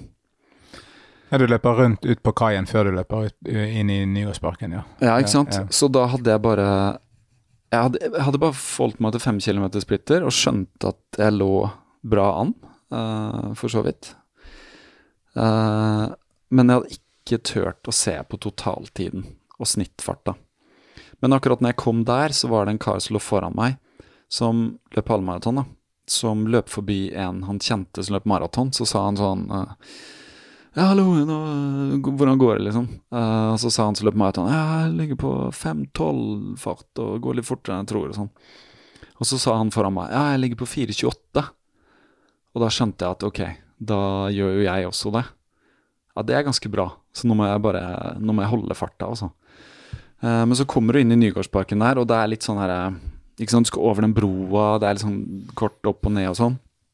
Så der kjente jeg var faktisk uh, Det begynte å koste krefter, da. Uh, så kommer du ut, så er det også litt sånn nede bak der under Puddefjordsbroen og sånn. Heller ikke så mye å se på. Og der begynte de der tankene å komme at man er sliten. Men da hadde jeg litt sånn mantra i hodet, så da sa jeg til meg selv Beina er slitne, men kjernen er sterk kjernen er sterk. Jeg kjente liksom at Altså, formen var god, da. Altså, jeg holdt liksom formen. Og så tenkte jeg en tanke til, at det er alltid mer i reserve. Det er alltid mer i reserve. Så jeg, jeg kjente at jeg liksom Jeg kunne liksom holde farta, da. Selv om du må jo øke på en måte eh, efforten. Hva heter det? Du må liksom Du må jo stadig legge mer energi i å holde samme fart. Så eh, når jeg kom til uh, Det er jo et punkt der hvor det er en veksling snakk om stafett igjen, da. Ja, der Eh, med hurtigrut, den nye hurtigruteterminalen. Der var det at jeg holdt på å løpe inn i en dame som skulle veksle i stafett, som var litt sånn der Du vet, hun bare liksom skrådde foran meg. Så jeg var litt sånn Hun var kjempeglad for å se at det var veksling. Ja, hun var kjempeglad for å se at det var veksling, og jeg, jeg måtte ta et sånn Du vet, plutselig du må ta et sånn dobbeltsteg til siden for ikke mm. liksom løpe og det har jeg glemt litt, men sånn var det jo flere ganger i løypa. At du måtte liksom bare Plutselig skjønte du at det er noen som løper stafett, og så holder de liksom vesentlig lavere fart enn deg, altså. Det er ikke sånn at det er maratonfolk som, som holder litt lavere fart. Det er sånn plutselig så holder de vesentlig lavere fart, så da må du ta et par sånn sidesteg og sånn. Uh, så det var litt folksomt innimellom, men det, men det gikk veldig bra. Så når vi kommer rundt der inn på Nordnes, så holdt jeg fortsatt uh, ryggen til han karen. Ja, du hadde ikke klart å riste han fra deg, altså. Nei, jeg, jeg, jeg holdt ryggen hans. Ja. Men da tenkte jeg nå uh, må jeg bare ta han. Jeg må bare, nå, nå må jeg gønne på liksom dette. Nå nærmer det seg finalen, da. Uh, det er bare den der vanskelige opp rundt, og da måtte jeg slippe han litt igjen, faktisk. For det, da, han løp faktisk bedre meg opp der. Uh, men etter det så bare Da ga jeg på. Og det var nedoverbakken der som du nevner til Nordnesparken. Og så runder du, og da er det også en sånn splittsak, eller som tar tiden din, tror jeg Mm. på et eller annet tidspunkt. Og da fikk jeg vel siste fem kilometeren, eller fjerde fem kilometeren tikka inn på klokka. Og da visste jeg at da er det bare ca. én igjen. Du vet jo ikke om klokka er helt riktig, da, men du regner med det, ikke sant. Og da er det bare å gi gass. Uh, og da har jeg sett De tar jo bilder, da. Uh, Ja, arrangørene, eh, arrangøren, ja. De har Ja, sånn, sånn- automatisk, det er ikke Ja. fotografer. Det er sånn eh, ja, kamera som står på. Ja. Så jeg titta litt på de bildene, så ene, ene la jeg på Instagram nå, eller på storyen, da, hvor jeg har et skikkelig sånn fighting face, da. Du ser bare at For da, da er det sånn Da hadde jeg gitt opp alt som het nesepusting og sånn. Jeg bare pusta, og da var det mye sånn Altså, jeg nevnte for deg at det var akkurat som jeg fråda litt. Sånn, da, da gir du litt sånn faen i liksom det, det var en del sånn snørr, og det var liksom Ja.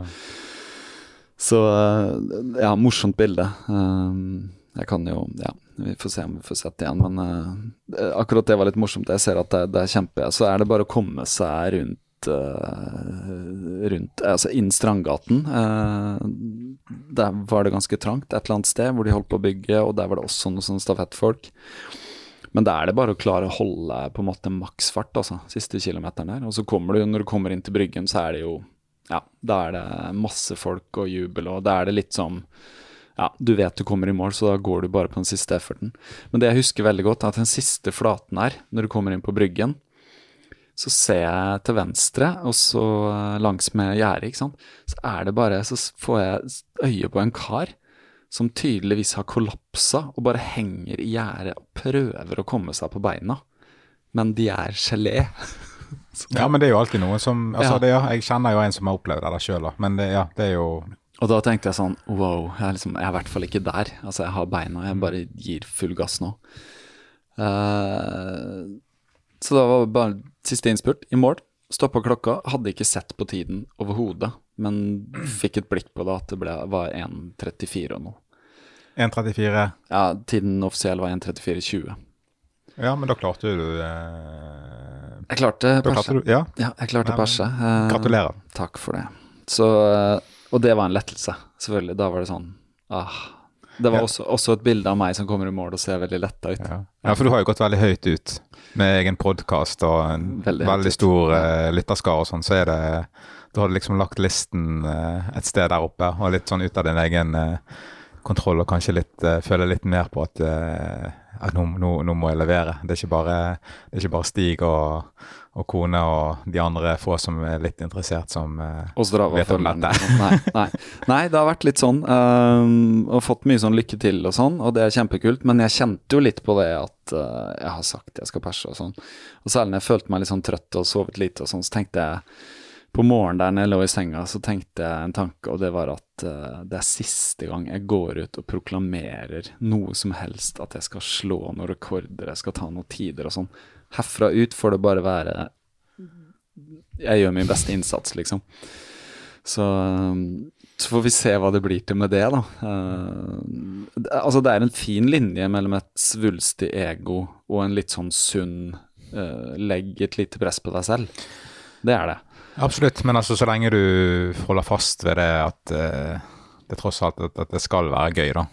Ja. Så er det naturlig å få en sånn uansett. Altså du Den spenningen du kjenner på når du står opp den dagen eller kvelden før. Sant? Da får du gjerne de, litt sånn, de tankene der som du nevner. Sant? Men det er jo en del av hele Det er jo, det, det er jo en del av gøyen, det òg. For det, det, er en, det er en sånn ting som skjer, og så kan du, så kan du uh, humre litt av det etterpå og tenke, ja. eller Ja. Men, Men, det er jo eh, derfor, det er derfor vi løper et løp. For at vi har jo lyst til å gjøre det bedre enn vi har gjort det før. Vi har hver gang, altså Sånn som du sier, du, du, du har persa hver gang på maraton. Uh, og det er jo ikke gitt i seg selv, det, men du, liksom, du, legger en større effort hver gang for du har lyst til å løpe fortere. ikke sant? Mm. Uh, for meg har det ikke vært sånn. Jeg har ikke persa hver gang på halvmaraton, så den tiden som sto som min beste, var jo høsten 2016 i Oslo, 1.36,10. Mm. Uh, løp på 1.39 på våren 2016 her, og siden har jeg jo ikke løpt noe fortere. Men har vel ikke sånn gått inn for det sånn helt heller, uh, vil jeg si. Sånn typisk. Men nå har jeg på en måte gjort litt det, da. Eller det jeg har hatt lyst til å bare på en måte forsøke å trene så godt som mulig og ha en viss systematikk i det og ja, ha en kontinuitet, da. Og det har jeg klart, uh, vil jeg si. Uh, og så tror jeg at det er faktisk det er, med, det er et større potensial der. Men det er mange faktorer. Kan man trene mer, osv. Og, så har man løpt i Bergen, så Jeg vet ikke hvor mye saktere en halvmaraton eller maraton er i Bergen, men at det er mulig å løpe minst et par minutter fortere, og det vil jeg tro det er. Også. Altså. altså Når du er på rundt de tidene der, så er jo det det, men det, altså når du har løpt og du takler og du klarer å løpe og disponere et løp eh, i Bergen på en, på en god måte, da, og at du, du klarer målet ditt, og så er jo så vil jo ikke det være vanskeligere i hvert fall å løpe andre steder. Sant? Det vil være enklere, kanskje. Ja. Uh, men jo, det er jo mye andre ting som spiller inn uansett, med dagsform og sånt. Men, uh, men, det er i hvert fall uh, Klarer du bra tid i Bergen, så har du i hvert fall Ja, det er gode sjanser for ja. at du klarer å løpe raskere et annet sted. Men du må fremdeles ligge en Altså, forberedelsene må jo Det er ikke bare til å stille til start og likevel klare bedre enn det du har løpt i Bergen. Hvis du løper et annet sted, sånn som du har løpt andre steder enn Bergen tidligere der du gjerne ikke har sant, eh, på høsten, og der du gjerne ikke har fått tatt noe systematisk trening gjennom f.eks. en lang sommer med mye fri og mye andre aktiviteter med, mm. med unger og sånt. Så det har vært en del reising på oss hver sommer, og det er litt vanskeligere å holde Så akkurat nå så, så vet jeg ikke. Jeg, jeg har jo snakka om at um, jeg skal løpe halvmaraton i Oslo til høsten, og så har jeg tenkt på skal jeg gjøre det til maraton isteden. Så jeg har ikke bestemt meg for noe ennå. Men, uh, men det, det, jeg syntes var veldig gøy med dette halvmaratonet, var at jeg klarte, jeg følte jeg klarte å disponere veldig godt. Uh, altså selv om jeg følte at den siste femkilometeren, uh, altså fra 15 til 20, skulle jeg gjerne løpt litt fortere. Mm. Men jeg var sliten, og den er på en måte ganske tøff òg. Men uh, når jeg titta på sånne resultatlister og sånn, og du kan se splittider, så, så lå jeg på 56.-plass i min klasse ved første passering. Uh, og når jeg kom i mål, så lå jeg på 41.-plass. Så jeg har uh, løpt meg opp, da. Og det syns jeg alltid er fint, at, at man har løpt fortere enn uh, fort, Ja, det er altså, jo et kvalitetsstempel. Ja, en slags progressiv løping, da. Eller, men det sier kanskje mer om andre enn om meg, fordi det, det, vil jo si at noen andre har på en måte ja, sagt noe. Ja, men det er, alltid, så, det er jo alltid, noen av de. Det er alltid noen av de. Altså, det er alltid noen som disponerer helt feil, men så er det òg noen som får seg en overrask. Altså, det er noen ja. som altså, kanskje aldri har plutselig får krampe for første gang. Sant? Ja, altså, jeg så jo noen sånne som, opp, som gikk. Altså, ja, som hadde, ja, det gjorde jeg også, uh, på, på, mitt uh, Ikke sant. Og jeg, ja, jeg, jeg, jeg, husker jo det i fjor også, at jeg måtte gå og løpe, gå og løpe når det var maraton på slutten her. Så jeg på en måte, jeg hadde, jeg hadde ganske mye sympati med de jeg så noen som gikk og halta, og jeg så folk som tydelig ja. Jeg skal ikke generalisere på noen som helst måte, eller sånt, men sånn, altså, jeg så bare, jeg bemerker i hvert fall to som no, ja, som gikk, som hadde sånne kompresjonsstrømper. Og da tenkte jeg kanskje de har sånne kompresjonsstrømper fordi de sliter litt med kramper i utgangspunktet, og så har de kanskje mm. Ja, har ikke, har ikke det holdt likevel. Nei, ikke sant. Nei, jeg vet ikke. Jeg har aldri løpt med kompresjonsstrømper. Jeg løper med korte, korte sokker. Nå hadde du kompresjonsoverdel. Jeg hadde det. Kanskje det det var derfor du følte deg så sterk i Ja, kjernen. ja, vet du hva. Altså, det må jeg si. Det, det var litt sånn Jeg tenkte Altså, alle sånne råd og sånn er jo sånn ikke, ikke gjør noe på løpsdagen som du ikke har gjort før. Så hadde jeg kjøpt den der kompresjonsoverdelen fordi jeg fant den på salg. da De er jo utrolig dyre i utgangspunktet. Så var den sånn til en tredjedel av prisen, så jeg tenkte ok, det er, det er verdt å teste, liksom. Eh, Det var i min størrelse alt. Jeg må si at det, det funka fint, altså. Eh, Den satt godt. Eh, Man, man ser jo veldig tynn og spak ut, men det får så være. Det er ikke viktig. Nei, det er ikke viktig hvordan man ser ut. Man har den kroppen man har, så hva faen. Jeg følte meg sterk, jeg. Eh, Jeg følte, eh, som man snakker om, jeg hadde, hadde sånn som du sier, og hadde kontroll hele veien, liksom. Og det var litt noe sånn, ja. Men hvordan følte du deg når du, etter du kom i mål? da? Sånn, Etter jeg kom i mål, så ja, da kjente jeg at jeg hadde gitt veldig gass, at syra hadde eh, fått litt sånn feste de siste, siste kilometeren. Så da hadde jeg bare behov for å henge litt på gjerdet, og der eh, kom en bort og var sånn Hei, er det du som Nei, nei men hun har Stavanger-dialekten, så den skal jeg ikke prøve et lenger. Men det var hun eh, Heidi, eh, som er sammen med Niklas Jon, som jeg har referert til podkasten som har ansvar sammen med Niklas for parkrun, ikke sant? Ja, Løvsien Parkrun. Ja. Ja. Så hun hilste på, da. Eh, hvorav jeg Eller Ja, med sånn Hei, er det du som er Marius? Og sånn, ja. Og så sa jeg, vet du hva, jeg kan ikke ta deg i hånda, for den er full av eh, en blanding av eh, snørr og eh, sånn eh, sportsdrikke. så jeg var litt sånn sånn Unnskyld for at jeg ikke tar deg i hånda. Og det, hadde, og, og det, det kom jeg på nå, da, men det er jo Når du kommer ned den der bakken, den siste drikkestasjonen, så tok jeg en vann, og sånn, i motsetning til deg, så stopper jeg ikke opp og, og, og drikker. Jeg bare prøver å hive det i meg. Så, og det hadde gått fint, da. Jeg hadde løpt liksom Altså, jeg senker farten, men det som skjedde på den siste, var at jeg skulle drikke den sportsdrikken. Så fikk jeg den litt sånn opp i nesa. ja, men du kom jo i stor fart der, vet du. Det Jeg kom i litt stor ja. fart, så jeg fikk den litt sånn opp i nesa. Så jeg var sånn, men det som skjedde, var at det gjorde at jeg ble bare litt sånn irritert. Og så fikk jeg på en måte litt sånn arr av det også. Så øh, jeg tenkte det er litt sånn dust, liksom. Men, men, Men- det, da, da- traff jeg Heidi, um, og det var kjempehyggelig. Hun var kjempehyggelig. Jeg Slo en prat med henne og øh, spurte hvordan det gikk. Jeg forklarte hvordan det hadde gått, og så spurte hun hva hun hadde gjort. Hun hadde fulgt Nicolas, som hadde løpt maraton. Nicolas Jon, som har vært her på podkasten. Jeg spurte hvordan det gikk, og hun sa han fikk andreplass. Ja, det var helt Uh... Hele maratonet. Ja. Så jeg var sånn wow, det var uh, utrolig imponerende.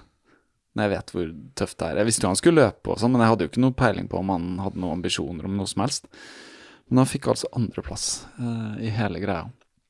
Ja. Rundt en fem minutter bak han som vant, tror jeg.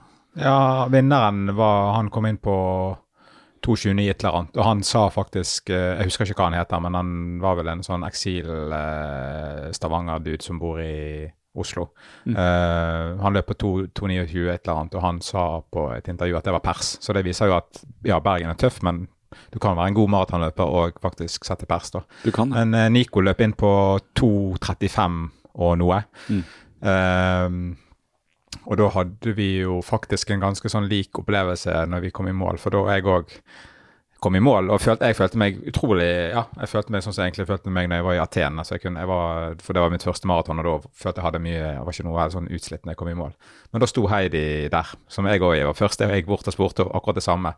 Eh, men jeg visste jo at eh, Nico hadde hatt Han sa til meg at han hadde Altså hadde en tanke om at han kunne kjempe om pallen. For han driver jo og sjekker litt sant? hvem er det som er meldt på, og sjekker gjerne de litt grann, hvor gode de er og sånt, og, og, og eh, hadde en god plan for løpet. Og han har jo trent eh, utrolig systematisk og målrettet mot det løpet òg. Så, så det kan jeg også ekstra kudos til Heidi for. Hun var jo der eh, Hun traff jeg på flere steder, for hun drev og syklet rundt for å heie på Nico, men jeg traff henne òg to andre steder. Så hun var veldig flink å heie. Så det var veldig, hun ga meg eh, Ja, det var, det var alltid kjekt å se noen kjente fjes underveis. Veldig kult. Mm. Uh, jeg tror ikke jeg så ingen kjente underveis. Nei, jeg hadde, jeg hadde, jeg hadde jo noen flere, da. Uh, Ja. Så, som jeg Du kjenner jo litt fra Bergen, selvfølgelig. Ja. jeg gjør kanskje det. Ja. Selv om du har bodd her, så ja. Ja, ja, det er så lenge siden, Eh, Nei da, men det var veldig, veldig kjekt. Det var veldig kjekt. Og så spurte jeg Ja, hun har snakka med deg også. Hun sa vel da at du hadde løpt på 3.14? Jeg tror henne fikk høre det. Så det var jeg også superimponert over. Uh, og så var det bare å gå videre, og da traff jeg på deg, da. Der sto du.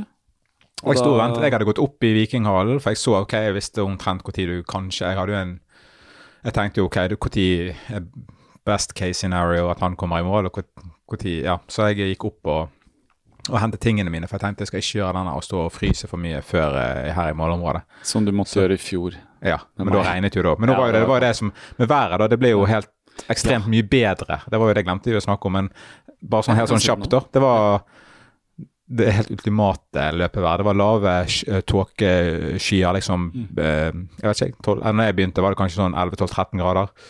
Og så kom det, når vi løp maratonet, så når vi kom ut der ute i, etter tre 2,5 km, så begynte det å regne der oppe med Sandviken sykehus. vi har nevnt par ganger, Og da tenkte jeg nei, nå kommer regnet allerede nå. Og så dryppet det bare par minutter. Ikke sånn mye. Det ble egentlig ikke våt. Og så begynte ikke det å regne igjen. Og det var helt sånn, og det var det der å komme i mål òg, eh, å kunne stå der sånn etterpå og det ikke regnet, for det hadde jeg egentlig forberedt meg på. Okay, det var ikke det veldig kaldt heller. Nei, det Liksom var over 10 pluss og- Ja, det var, altså, det var helt perfekt. Det var ikke for varmt, eller det var ikke for kaldt, og det var ikke sol, så det ble ikke Det ble ikke helt optimalt å løpe, i hvert fall ikke maraton i, Mm. i sånn solsteik. Eh, men det at du òg kunne komme i mål, og at du kunne gå rundt i målområdet og snakke med folk uten at du Mm. ble klissvåt Ja. og frøs. Det var, Det var, det var veldig god stemning. En, en ting til som slår meg nå, bare et bilde jeg får, uh, var at når jeg kom i mål, så var det litt sånn uh, Det var litt sånn slagmark i mål, altså. Det er folk som ligger på bakken, og altså, mye folk som er superslitne, liksom. Ja, men jeg tror det, er- det er spesielt de som altså det er jo ikke, Grunnen til at Bergen City Marathon er et sånn, det er ganske sånn Hele Bergen stenges jo av. og det er veldig, Når du ser etterpå når vi gikk rundt i byen, utrolig mange som kommer med de der eh, samme posene, sånn de tøyposene som vi fikk eh, ta klærne i. At det er veldig mange, det er lav terskel for å være med på det, eh, den stafetten. sant? Men der er det òg selvfølgelig veldig mange som er med og løper, som gjerne kanskje aldri løper heller. sant? Altså De er med på den stafetten. Og så Du hører jo det når du, de treffer på ute i løypene. Altså De høres ut som de ja, Det er ikke noe de gjør ofte. da. Du hører på pusten og sånn. Og de, noen av de sliter jo seg ganske mye ut. Jeg tror i hvert fall de som løper siste etappen, for da får du, da er det siste, de siste 600 meterne, eller hva, eller 400 meterne er det mye publikum. Så da får gjerne alle litt ekstra, Mm. ekstra boost, og så kommer de over målstreken, og så har de gjerne tatt ut eh, det lille ekstra eh, Jeg tror også mer det det som var bra. Ja, jeg tror også det var noen maratonløpere der. Eh, ja. som har virkelig tatt seg ut på ja. Det var det, som slo meg, da, men det kan godt være at det er stafettløpere også. Det er jo et hav av forskjell på en måte der. ja, ja, det Eh, Men eh, ja, morsom liten anekdote når du skulle løpe opp i Vikinghallen og ta på deg litt klær. ja. Fortell. Ja. ja, nei, det var jeg eh, Jeg jogget faktisk opp der, og så eh, Det er jo ikke mer enn Det er under 100 meter. Men eh, så eh, Der er det et sånn ti trappetrinn ganske sånn bratt opp. Så jeg løp, jeg løp opp de trappene, og så var det en som sa Å, du var, du var det ingen andre som har gjort, du var sprek. For de kan jo se at jeg har løpt maraton med startnummeret, for det var blått. Um, og da tok jeg et sånt lite sånn, halv, sånn saksespark på toppen der. sånn og da ble da jeg imponerte veldig disse gamle, gode eh, sliterne som var frivillige der fra Viking eh, idrettslag som arrangerer. Så de Ja, eh, Mye kudos til de òg. Ja, de ja, fantastisk. eh, alle de Ja, du møter jo bare alle frivillige der. Det er en utrolig proffklubb og masse gode folk som stiller opp gratis og gjør alt for at du skal nå dine mål på denne dagen du har trent for. Så det er veldig Det er veldig bra arrangement også, Ja. Bergen City Maraton. Ja, de er, det er kjempebra. Det er Vi utrolig kan si, for, for de som ikke har løpt, som hører på, det er bare Jeg vil anbefale alle å enten løpe et halvmaraton eller et maraton i Bergen én gang. Det er noe sånn Altså nå har jeg løpt her tre ganger, da. To halve og en hel. Uh, og det er eh, en opplevelse. Altså det er, jeg tror det er ganske ulikt veldig mange andre halvmaraton, maraton. Det er jo noe helt eget med Bergen, men hele den løypa også er liksom Ja. Tim Ja, Bennett kom jo tilbake og løp på nytt. Han traff du. Ja, han traff jeg. Jeg så han han kom i mål. Han kom, eh, Mens jeg sto og ventet på deg, så kom han inn på, på maraton. Så det var veldig hyggelig å, å, å prate litt med han. Mm. Så, så han hadde hatt en, eh, en fin reise og skrøt igjen av, av løypen og sånt. Så eh, Han hadde Så- positiv splitt òg, så han var ganske ja, happy, han var, han var veldig blid og hyggelig. Så ja, Jeg absolutt. fikk ikke truffet han. Han, han dro tilbake med toget på ettermiddagen. Men vi teksta litt og sånn, så det var, det var kjempehyggelig. Um, men ja, og så traff vi Vi traff jo Nicolas, da. Nico, uh, utenfor Vikinghallen. Jeg Fikk tatt uh, bilder og prata litt og sånn. Uh, nei, jeg bare må si en gang til. Det var liksom Det var bare så utrolig lykke å være ferdig. Altså, det er sånn Når jeg har bygd opp så lenge mot et halvmaraton og eh, tenkt mye på det, hatt målet Ja. eh, det var bare en sånn utrolig god forløsning når man kommer i mål. eh, og, føler at man har gjort sitt beste og ja, veldig positiv opplevelse, veldig gøy. Eh, jeg er bare utrolig glad. Og i dag har vi bare hatt en sånn veldig deilig Altså, det er søndag i dag, eh, jeg har fly i morgen, og det har vi gjort helt med vilje, for det er så godt å ha en hel dag fri. Altså, bare, Hvor ofte har man det, liksom? Altså, Jeg er tobarnsfar, du er tobarnsfar, dine, dine barn litt eldre, men det er liksom, det, går jo i ett hele tiden. Så liksom, å bare ha fri i dag også, og ha den godfølelsen fra i går og Nei, det Ja, så har vi, det, var jo, det var jo det som vi snakket om, sant? vi som i hvert fall vi som er bergensere og bor i Bergen, vi er veldig opptatt av været, som vi alltid kan snakke om, eh, som vi har snakket om. Men det var jo meldt og regn i går, og ikke minst i dag også skulle det regne. Men det har jo vært eh, Vi har sittet ute i solen. Ja. Det har vært liksom Vi løp en tur. Vi, løp, eh, vi skulle løpe en restitusjonstur. Vi løp, eh, vi løp 10 km. Det gikk fint, det.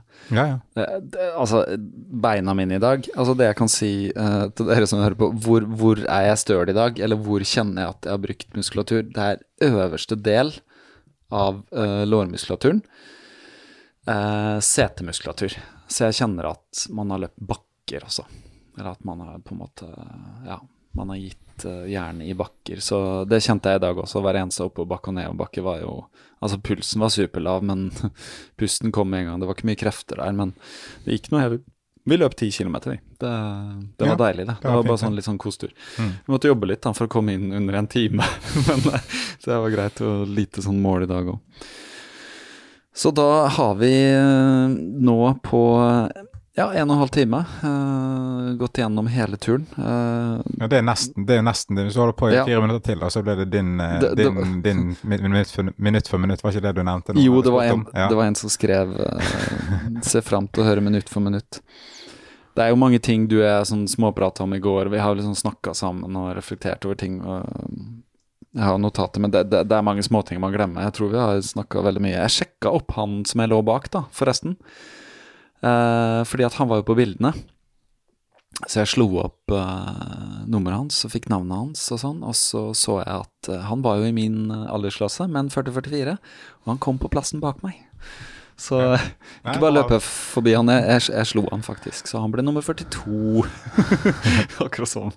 Det er viktig, liksom. Jeg ble 41. Ja da. Så hva, hva mer um, kan vi si? Uh, du har litt planer fremover. Du har meldt deg på løp, du. Ja, jeg har meldt meg på. Jeg har tre, fire, eller ja, jeg har vel tre, tre og et halvt startnummer. Jeg har fire startnumre fremover fram frem til august. Så jeg skal løpe, men jeg skal løpe København Maraton om tre uker. Og så to uker etter det så er det Torshavn. eh, Maraton. På Færøyene, ja. Mm. Og så eh, litt sånn tullete kanskje, men fire dager etter det så er det Bergen fjellmaraton. Men det er et halvmaraton, men det er over eh, Det er oppover Ulriken og over vidden som det heter mellom Ulriken og Fløyen i Bergen. Eh, så, det er, så det skal jeg løpe, men det er sånn Det er det, det mest populære løpet i Bergen, tror jeg. Eh, Du må liksom sitte klar når de legger ut eh, startnummeret i desember året før, og hvis du har lyst til å løpe. For det forsvinner med en gang. Det er 2200 mennesker. Arrangert av samme klubb som arrangerer eh, Bergen City Marathon. Ja. ja. Så det ble solgt ut på par Ja, minutter. Ti minutter, tror jeg det sto nå. Så det er veldig gøy, for det er sånn kveldsløp. Altså det begynner klokken åtte om kvelden. Ja. Så det er veldig, veldig flott. Og det er i juni? Nei. Ja, det er vel ja, 6. Ja, 6. Ja, juni eller noe sånt. Lys- lyskveld, Så, um, så, det er, så det blir litt uh, Men nå ser jeg veldig fram til å komme meg opp i Jeg liker egentlig best å løpe i, i fjellet. Det er egentlig det jeg har gjort mest. Du har det. Så, Du er jo en av de som Jeg har jo Jeg tror jeg ga deg en liten kred her på podkasten tidligere hvor jeg fortalte at du hadde Det var det med høydemeter, ikke sant? Hvilken måned var det? I mars, kanskje? Ja, du lå liksom på, på verdensbasis av de som har eh, signa opp, da. For den derre Du vet, på Strava så er det sånne Ja, de eh, climbing uh, Running climbing meters, eller hva? ja, ja, hva er de heter, de som du kan signe deg opp på på Strava? Eller join, du joiner sånne Challenges. challenges, ja. Utfordringer. Ja, så det er sånn Klatre 2500 meter er det gjerne, eller 2000 eller 3000 noen ganger, for å få et sånt merke, et sånt digitalt merke. Og da tror jeg du lå på liksom 200 og et eller annet plass, eller 300 og et eller annet plass i verden av sånn 300 000. Og klatra 10 000 meter eller noe sånt på en måned. Ja, det kan Ja. Ja. Jeg har ja, 10 000. er- Ja, jeg har, ligger jo gjerne på sånn mellom 8 og 10 000, tenker jeg, i måneden. Ja. Hvis jeg løper eh, sånn som jeg pleier å løpe. ja. For du løper jo mye over eh, løvstakken over der inn til byen. Fra Bønes til byen, ikke sant. Ja, men uansett når jeg løper eh, Jeg løper jo mye fram og tilbake til jobb, det er en del av min uh, trening. Så er det mye Jeg bor opp på, på en topp, så det blir mye det blir mye høydemeter bare på de turene. Mm. Så, så, Det kommer godt med til Bergen City Marathon. Altså. Ja, definitivt. Det er ikke noe rart at du tar de klatringene. Um, det er et par ting uh, som jeg tenkte du kan fortelle litt om. Fordi ikke bare løper du mange maraton og trener mye og sånn, men du er en del av uh, Hva skal vi kalle det? En ny klubb? Et nytt konsept? Og ja, eh, ny, nytt og nytt. Nei, altså det er Michaela Running Club du tenker på? Ja. Ja, Nei, det er meg og en gammel kollega, kompanjong, eh, Erik, som har eh, som har startet, hvis du kan si det, da. Vi har opprettet en sånn Michaela Running Club i Bergen, og det er Michaela er et dansk merke som lager noe du kan drikke, som har mm. alkoholprosent. Eh, og startet av en eh, veldig god løper, dansk løper, Mikkel Bergsjø, i 2014. Og så har de De er veldig gode på sånn konsept og design, og de lager veldig masse Det er øl det er snakk om her, da, men de lager veldig mye eh, forskjellige typer øl og har en veldig kul profil og har eh, spredd seg utover hele verden, tror jeg. Eh, med mange egne barer rundt om i masse store byer. Og så har de også fått folk til å starte, eller folk som har startet sånne Micalla running clubs. For han er veldig opptatt av løping. Han løper, gjør han ikke det? Ja, han løper, han løper fremdeles. Så Ja. han kom faktisk på Han løp eh, Pyongyang maraton Ja, altså i Nord-Korea, Nord-Korea. Ja, og så bare bilder av han inne på den her eh, Han kom på tredjeplass i det, i det maratonet, da. Det kan Så ikke han- være åpent for mange eh, fra utsiden, vel? Eller? Jeg tror han er eh, Jeg tror faktisk eh, min fru nevnte at han eh, godeste han Einar Tørnquist, han norske komikeren, han har et eller annet sånt program han holder på å lage. Vet du hvem det er? Han, Nei. Han er ja, bart og sånn VG-TV-fyr, og så har han vært på TV 2. Og, ja, han er en morsom fyr. Men eh, han har et, åpenbart et eller annet TV-program på gang der han derfor han løpte Han har lagt ut noe på sikkert på Instagram at han, har, at han var der og løpte. Så men eh, ja, nei, det er ikke å komme inn Eller nei, det er, ikke, det er nok ikke for alle. Eh, jeg jobber med menneskerettigheter, så jeg tror ikke jeg kommer inn i, i Nord-Korea, for å si det sånn. Eh, men i alle fall, han er god. De har et sånt eget racingteam òg, uh, Mikeller, og de uh, i samarbeid med noen andre. Uh, og de hadde òg blant annet Nå var jo eh, De var sånt uh, terrengløp-EM i Nei, VM i Århus for en måneds tid siden. Og da var Mikeller som var hoved... Hovedsponsor var Mikeller og internasjonale friidrettsforbundet som arrangerte det, der han eh, Jakob Ingebrigtsen kollapset eh, når han Ja. i mål på Ja. tolvteplass. Men i alle fall, altså en, eh, de, de, er veldig, de er veldig opptatt av løping. Men eh, for å gjøre en eh, allerede lang historie litt kortere, så eh, har vi da en sånn eh, kaller løpeklubb i Bergen, og det vil bare si at du kan, vi ligger ut på Instagram og på, på Facebook, og vi har en klubb på Strava der, kan, der vi ligger ut sånn event, og løper vi, det er sånn fast greie at du, den første lørdagen i hver måned så har vi sånn sosialt løp. Der det er bare å møte opp. Eh, vi har et sånt, Du må ha et klubbhus, altså en, et, et sted der du, som et serveringssted som er en sånn base, der du møter opp. og Det har vi klokken tolv eh, nå førstkommende lørdag i neste, eh, for det er 4. mai. På Apollon platebar i Bergen, som vi samarbeider med. Eh, og så løper vi en, eh, en sånn noe som er en sånn lett tur som alle, for alle som er interessert i i å løpe en tur. Og så samles vi, så det er sånn mellom fem og syv kilometer. Vi har vel to sløyfer vi løper, som vi, de som vil løpe litt lenger, kan bli med en av oss. Eh, mm. En av meg og Erik.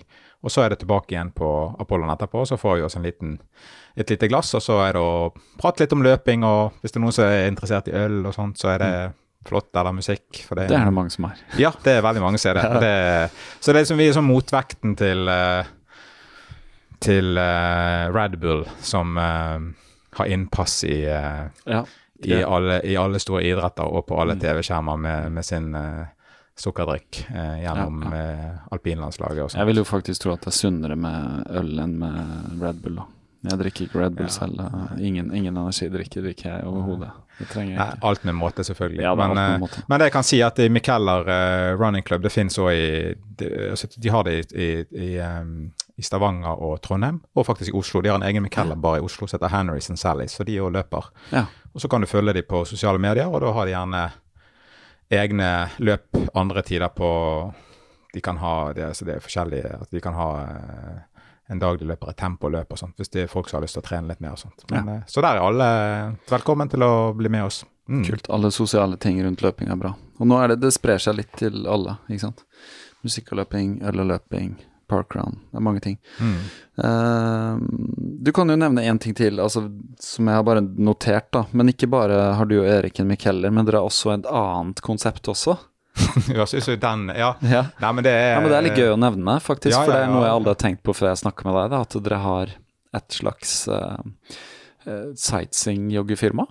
Eller? Hva skal ja, jeg eller jeg, jeg, jeg, jeg, har løpt litt. Erik har det med noen uh, kollegaer. som er, Det er et sånt sideprosjekt til alle har andre jobber, da. Men uh, der man uh, Dette er joggetur, eller Bergen Running Experience, der vi Det finnes en nettside, og det finnes noen turer i Bergen der du kan, folk kan Turister da, kan booke en tur og enten dra på en sånn by-sightseeing-tur, men istedenfor å gå rundt eller å bli kjørt rundt av, eller gå rundt bak en sånn dame med et flagg eller i en sånn gruppe, så kan du få en løpetur med bare deg sjøl, eller, eller, hvis man er flere. Mm. Så har vi en fast løype rundt, sånn sirkus rundt i i Bergen, eller du kan, hvis folk har lyst til å ha en treningstur eller vil løpe på Byfjellet, for det er så genialt med Bergen, vi har jo en fantastisk tilgang til fjellet, så har vi flere ruter. Eh, men vi tar òg imot hvis folk bare har et annet ønske om noe spesielt.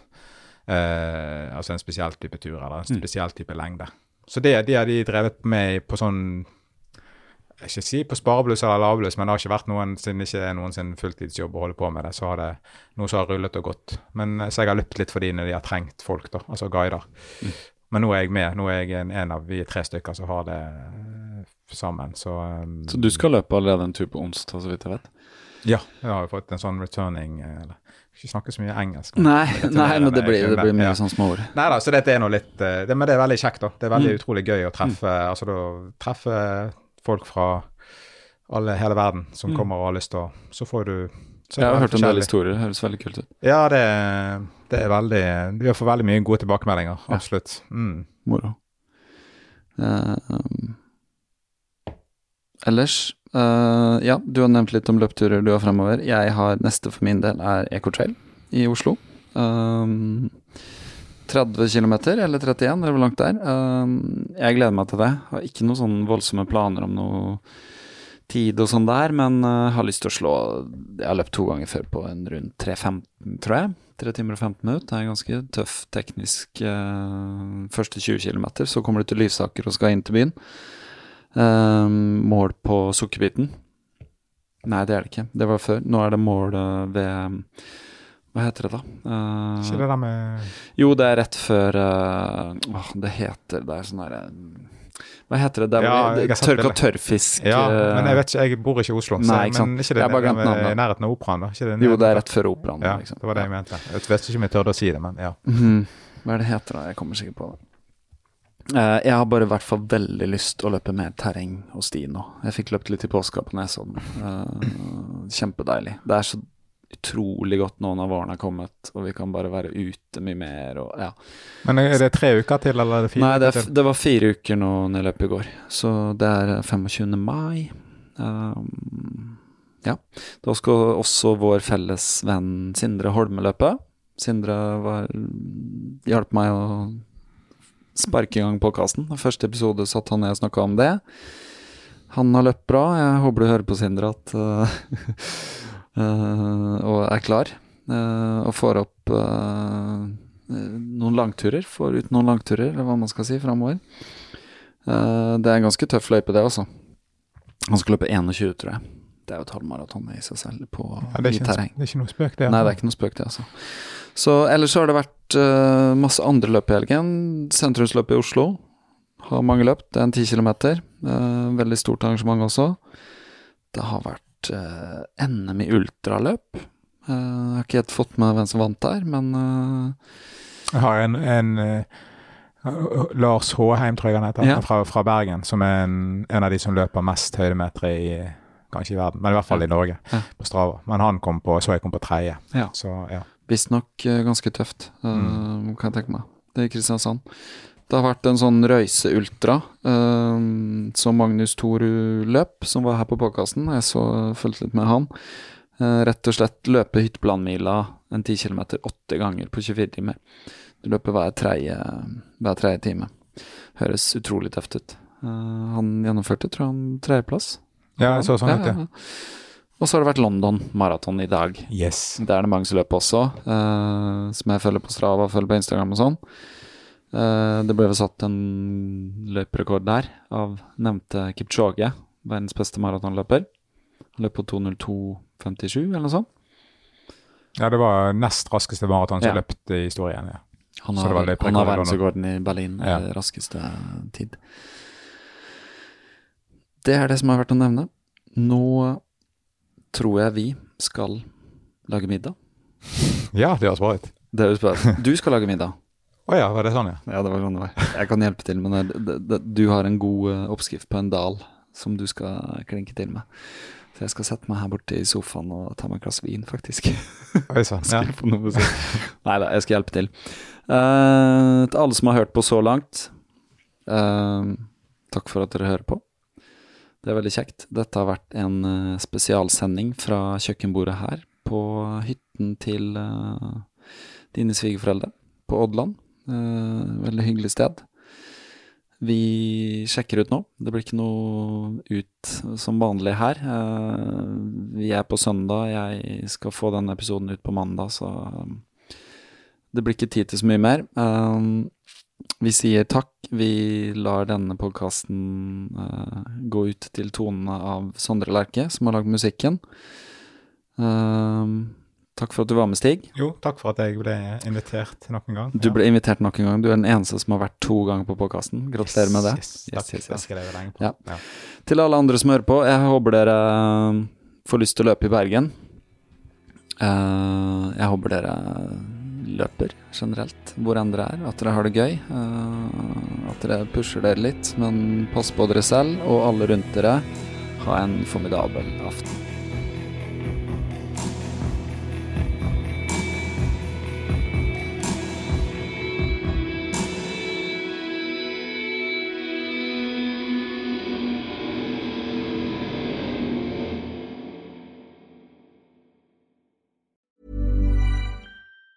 Even on a budget, quality is non-negotiable. That's why Quince is the place to score high-end essentials at 50 to 80% less than similar brands. Get your hands on buttery soft cashmere sweaters from just 60 bucks, Italian leather jackets, and so much more. And the best part about Quince, they exclusively partner with factories committed to safe, ethical, and responsible manufacturing. Elevate your style without the elevated price tag with Quince. Go to quince.com slash upgrade for free shipping and 365-day returns. Ever catch yourself eating the same flavorless dinner three days in a row? Dreaming of something better? Well, HelloFresh is your guilt-free dream come true, baby. It's me, Kiki Palmer. Let's wake up those taste buds with hot, juicy pecan-crusted chicken or garlic butter shrimp scampi. Mm. Hello Fresh. Stop dreaming of all the delicious possibilities and dig in at HelloFresh.com. Let's get this dinner party started. Planning for your next trip? Elevate your travel style with Quince. Quince has all the jet setting essentials you'll want for your next getaway, like European linen, premium luggage options, buttery soft Italian leather bags, and so much more. And is all priced at 50 to 80% less than similar brands. Plus, Quince only works with factories that use safe and ethical manufacturing practices. Pack your bags with high-quality essentials you'll be wearing for vacations to come with Quince. Go to quince.com/pack for free shipping and 365-day returns.